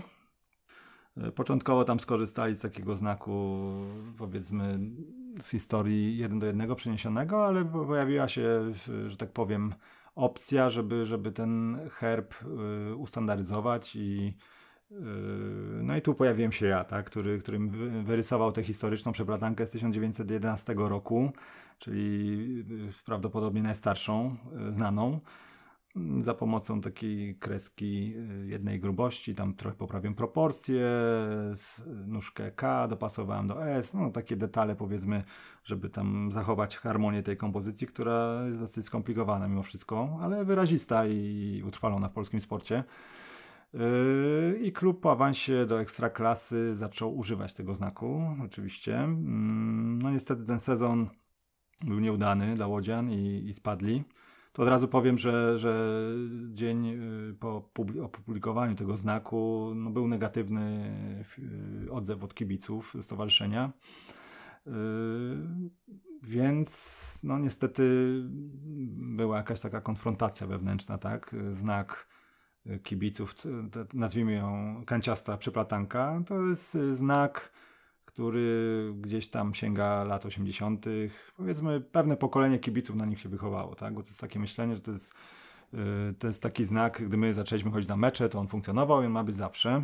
On ma kilka takich niedociągnięć graficznych, typu, że takie okienko się pojawia w środku tej kompozycji, te litery też są narysowane w dosyć taki kubistyczny sposób, może nie tak jak w Siewodzinie piłka, ale, ale dosyć toporny. Yy, więc tam była zgoda w sumie co do marketingu, zresztą oni to też mi tutaj wskazali, że, że, że, że to jest kierunek, który chcielibyśmy przeprowadzić, no ale niestety po roku, po, po spadku z ekstraklasy y, klub wrócił do tej kwadratowej przeplatanki, czyli, czyli gdzieś tam, no znak nawet był zgłoszony do urzędu patentowego, ten mój projekt, natomiast finalnie oni używają teraz y, tej y, kanciastej przeplatanki, bo gdzieś tam mm, widocznie po, po regresie sportowym nie chcieli, czy, czy chcieli z kibicami inaczej funkcjonować, czy, czy może, nie wiem, dogadali się. Nie znam szczegółów y, tego powrotu. Y, więc to był taki znak y, na chwilę wdrożony, właściwie y, pierwszy raz i odpukać ostatnim się to przydarzyło. Czy, czy zdarzały się znaki niewdrożone? Znaczy w, w sporcie raczej nie zdarzało mi się, że gdzieś tam finalnie zawsze doprowadzaliśmy. Znaczy jest jeszcze taki temat, który tam ciągnę od pół roku, o którym nie będę mówił, bo to też y, gdzieś tam y, nie chcę tutaj wyciągać jakichś, jakichś poufnych informacji. Y, jest jeden klub ekstraklasy, który robił przymiarkę do, do rebrandingu i współpracowaliśmy, natomiast tam do końca, do końca nie wiem, czy to będzie wdrożone, bo no, są różne pomysły na ten rebranding, natomiast no to, to zobaczymy, jak, jak to wyjdzie w przyszłości. Ile wersji musisz zrobić, żeby klient zaakceptował finalną, a ile wersji przedstawiasz na samym początku w ogóle? Jak to wygląda w praktyce, jeżeli chodzi o Twoją ofertę? dokładnie w ofercie mam to opisane. Zwykle to jest między dwiema a trzema wersjami, zależy tam od wyceny. Szczerze mówiąc, wolę zaprezentować y, trzy wersje z tego względu, że no, klient potrzebuje mieć wyboru. Tak? Znaczy ja w 90% przypadków czuję, że ten znak powinien tak wyglądać, ale no, klient czasem musi zobaczyć różne warianty, porównać, prawda? Więc yy, w większości przypadków to są trzy, no dwie albo trzy. No. Przy, przy mniejszych klubach yy, ze względów budżetowych to są raczej dwie wstępne propozycje. Yy, oczywiście gdzieś tam poparte tą rozmową mniej więcej o oczekiwaniach, o stylach i tak dalej. Yy, daje też możliwość, yy, że tak powiem, poprawki wybranego projektu z tych trzech, spośród tych trzech, ewentualnie w ostateczności, jeśli zupełnie wszystkie trzy są nietrafione, bo to też zależy niekiedy od, od briefów, klient powie, że chce Juventus, ale jednak do końca nie, nie jest w stanie y, sobie tego wyobrazić i, zrozumieć, że to nie będzie działało w tym przypadku, no to jest zawsze możliwość, że, że gdzieś tam jeszcze ten czwarty projekt zrobię, bo finalnie zależy mi, żeby, żeby klient dostał znak y, primo y, profesjonalnie wykonany, innowacyjny, nowatorski, oryginalny, a, a z drugiej, żeby się też z nim dobrze czuł, tak, że, żeby to była zmiana na, na lata do przodu. Znaczy ja ogólnie uważam, że powinniśmy my graficy tworzyć znaki, które uważamy, że, że przetrwają jakieś tam trendy, czyli na przykład jak była moda na gradienty, nie wrzucać gradientów, bo to się chwilowo podoba, tylko spróbować przetłumaczyć klientowi, że no Y, że to w dłuższej perspektywie czasowej będzie wymagało korekty, tak? Że to nie, nie, nie róbmy wadliwej lodówki, która się zepsuje za 5 lat, tylko po prostu starajmy się stworzyć znak ponadczasowy i od razu też powiem, że kluczowa w takim projektowaniu jest wersja monochromatyczna, y, czy inwersja po prostu zobaczenie gołej formy, bez kolorów, y, bez żadnych efektów y, i ocenienie jej czytelności, wyeksponowania symbolu, y, kompozycji literniczej. Choć jak wiemy, oczywiście te, te, te formy ograniczone kolorystycznie są rzadko stosowane, ewentualnie gdzieś w mediach społecznościowych pojawiają się niekiedy, jak widzę na grafikach, na przykład Zagłębie Lubin to stosuje, to też wygląda fajnie, tak? Pod warunkiem, że mamy dwa dobre herby, bo jeśli mamy krzaki, których nie umiemy przerobić na, na inwersję, bo, bo też y, tutaj zwrócę uwagę jeszcze na taki techniczny aspekt, jeżeli mamy dwa elementy, dwa, trzy, cztery, nakładające się na siebie, y, nieoddzielone żadnym konturem, no to będziemy mieć dylemat, jak to prze, przekonwertować. Na przykład y, z gryfem Pogoń Szczecin jest tak, że jest położony złoty gryf na y, dwóch polach tarczy o różnych barwach, jeżeli my ten znak przekształcamy, to albo tego gryfa musimy na pół przeciąć i na ciemnej połowie dać jasną połowę gryfa, na, na jasnej połowie dać ciemną, albo dodać obrys do tego, bo, bo, żeby był w ogóle widoczny, tak? Albo, albo zrezygnować z przełamania tej tarczy i po prostu na trójkącie umieścić gryfa, więc, więc to też grafik powinien mieć yy, na względzie, że, że nakładające się elementy na siebie w, w herbie spowodują problemy w, w aplikacji tego znaku w formach uproszczonych kolorystycznie. Tu jedno z kolejnych pytań grafików. W jakich programach pracujesz i czy rysujesz ręcznie wcześniej sobie coś? No właśnie, jak to wygląda? Zdecydowanie rysuję ręcznie.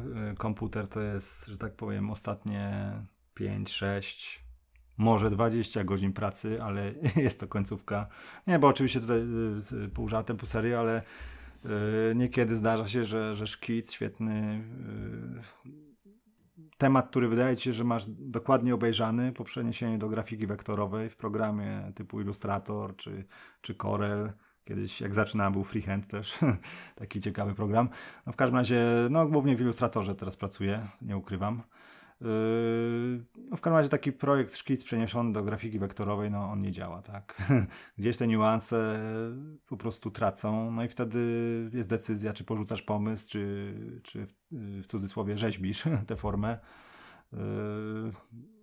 Jeżeli u mnie jest to pomysł, który uznaję, że, że będzie dobry, to, to, to walczę z tym. Po prostu walczę do bólu, żeby uzyskać to, co chcę. Znaczy to często, y, często y, tak zwana przestrzeń negatywowa tutaj ma wpływ, czyli jeżeli mamy czarny znak, to to białe pole gdzieś y, zaburza kompozycję. Ja nie ukrywam, dążę do, do jakiejś harmonii w znakach Może to jest takie bardziej klasyczne podejście, no ale szukam po prostu tej formy, żeby ona, żeby ona grała w całości, nie miała jakichś takich zakłóceń typu O w znaku klubu, który ma inicjały IM. Yy, u mnie by to nie przeszło. Yy, natomiast no, miałem też takie projekty rzeczywiście, że zastanawiałem się, czy, czy użyć okrągłej tarczy. No, chociażby LKS.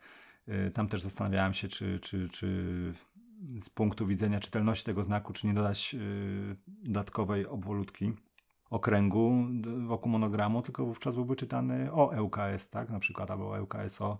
Więc, więc odrzuciłem tę koncepcję, mimo że, że taka gruba, gruby kontur znaku jest bardzo praktycznym rozwiązaniem, o tym już wspominałem. E, więc, e, więc dochodzimy do komputera, no tutaj, tutaj szukam tych propozycji. Zawsze te trzy propozycje, które pokazuję klientowi, one są już narysowane na komputerze. E, zdarza się niekiedy, że pokazuję też szkice. Mm, jeżeli mam bardzo dużo pomysłów, jeżeli powiedzmy do końca nie wiem, czego klient oczekuje, szczególnie większy klient, znaczy to nie ma oczywiście znaczenia wielkość, tylko po prostu tak mówię, no, mniejsze kluby są bardziej podatne na, na, na moje tutaj rekomendacje. W większych klubach często pojawia się jakaś strategia, yy, czy w większych firmach, no bo to tam w Polsce to, to wiadomo, że, że większych klubów yy, rzadko takie zapytania się trafiają. Natomiast no, gdy, gdy do końca nie wiem, nie potrafię też dobriefować klienta, bo na przykład y, podsyła mi jakieś y, inspiracje ze stoków, których ja unikam, no ale twierdzi, że to jest minimalizm, który my chcemy, y, no to wtedy rysuję więcej na kartce, wtedy to y, albo na tablecie w Photoshopie. Yy, no i staram się pokazać też szkice, żeby, żeby po prostu tak samo w tych minimalistycznych formach fajnie pokazać, dlaczego sylwetka na przykład ptaka wygląda tak, prawda, mimo że może yy, nie kojarzy się z konkretnym gatunkiem, ale jeżeli, jeżeli pokażemy obok ten szkic, to o, rzeczywiście, no, to jest ta kreska, to są te charakterystyczne elementy. Więc yy, no, no, myślę, że nie da się. Oczywiście dałoby się projektować od razu na komputerze możesz mieć to wszystko w głowie, to też nie jest powiedziane. Ja na przykład jestem z pokolenia, które uczyło się komputera, tak? Nie jest to narzędzie domyślne, rysowałem przez wiele lat na papierze, teraz jestem sobie wyobrazić na przykład mojego syna, który będzie miał projekt i od razu yy, wsiądzie w Illustratorze czy w Photoshopie, może bardziej, bo tam masz bardziej swobodną kreskę, yy, czy w ogóle na tablecie jakimś yy, takim zwykłym iPadzie będzie sobie szkicował jak, jak na kartce, nie? To czemu nie? Ja po prostu, y, moje myślenie zawsze wymaga jakiejś takiej analogowej formy wstępne i gdzieś tam to się dzieje najpierw na kartce, potem dopiero na komputerze, dlatego może to dłużej trwa, a może, a może właśnie jest lepiej przemyślane, może jest lepiej porównane z innymi, może bardziej autorskie. Y, to już, to już nie mnie oceniać. Tak na koniec. Jakie plany związane stworzeniem znaków sportowych, a może marzenia, jeżeli chodzi o znaki sportowe, ma Kuba Malicki? Dzięki za to pytanie. Więcej pewnie marzeń tutaj jest. No zdecydowanie y, chciałbym, nie ukrywam, poprowadzić klub y, w Polsce mm, ekstraklasowy i wykazać się, to znaczy przeprowadzić ten branding od A do Z tak jak to sztuka, powiedzmy, graficzna nakazuje, ale od, od autorskiej koncepcji po, po wdrożenie i oczywiście wszelkie tego konsekwencje. Oczywiście ktoś zapyta, no ale kto weźmie za to konsekwencje, jak kibice w nocy przyjadą i każą nam Malickiego wystawić, albo tego, kto to projektował. No nie, no to wiadomo, że też, y, też y, gdzieś tam proces taki profesjonalny powinien obejmować stworzenie strategii, audyt w ogóle tego, co zostało zrobione, historia, konkurencja. W strategii powinny być zapisane idea klubu, osobowość, marki, bo, bo po to to robimy, żeby ten klub yy, był dla naszych obecnych fanów atrakcyjny, ale też przyciągał ludzi z zewnątrz po prostu, bo, bo, bo umówmy się, że popularność klubu, frekwencja yy, przed pandemią, mam nadzieję, że po też, yy, to będzie jeden z czynników sukcesu, tak? Ja tu od razu powiem, y, że, że, lubię wracać pamięcią do współpracy z Lechem Poznań, bo byłem w takim okresie, gdy oni rzeczywiście mieli 30-40 tysięcy ludzi na stadionie, więc, Więc y, oczywiście to, to nie był wpływ moich grafik, tylko i wyłącznie były tam jakieś kampanie i tak dalej.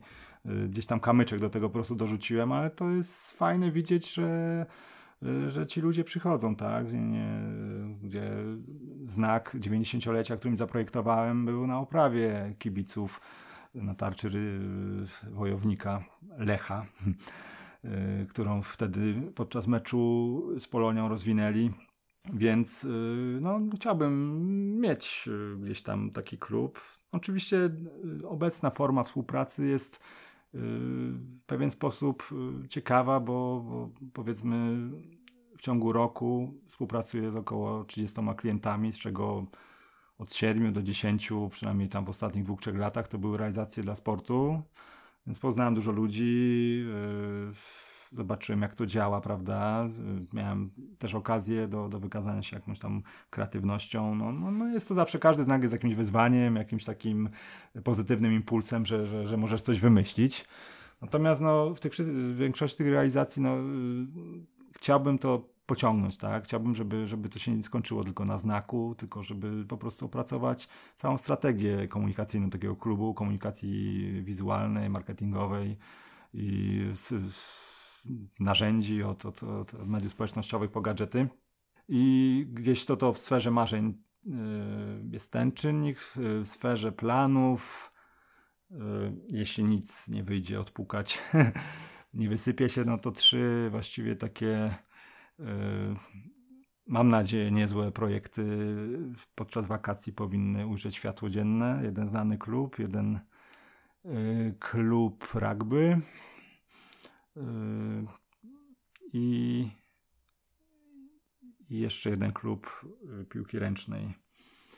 Yy, więc, więc myślę, że to projekty będą gdzieś tam takie, które zrobiłem po swojemu, ale oczywiście tam w dobrej współpracy z klientem. Z pewnością będę śledzić i wyczekiwać realizacji tych planów i tego marzenia. E, serdecznie Ci życzę dla słuchających, jeżeli chcecie sprawdzić ofertę i nawiązać współpracę z Kubą, zapraszam na stronę kubamalicki.com i do kontaktu pewnie przez Twittera, polskie logonet, przez Facebooka o takiej samej nazwie. Za dziś serdecznie dziękuję. To była niezwykle fajna i inspirująca rozmowa. Moim i waszym gościem był Kuba Malicki, grafik, projektant i autor serwisu Polskie Logonet. Dzięki Kuba. Dzięki wielkie za zaproszenie do Skyboxa. Trzymajcie się. Wszystkiego dobrego.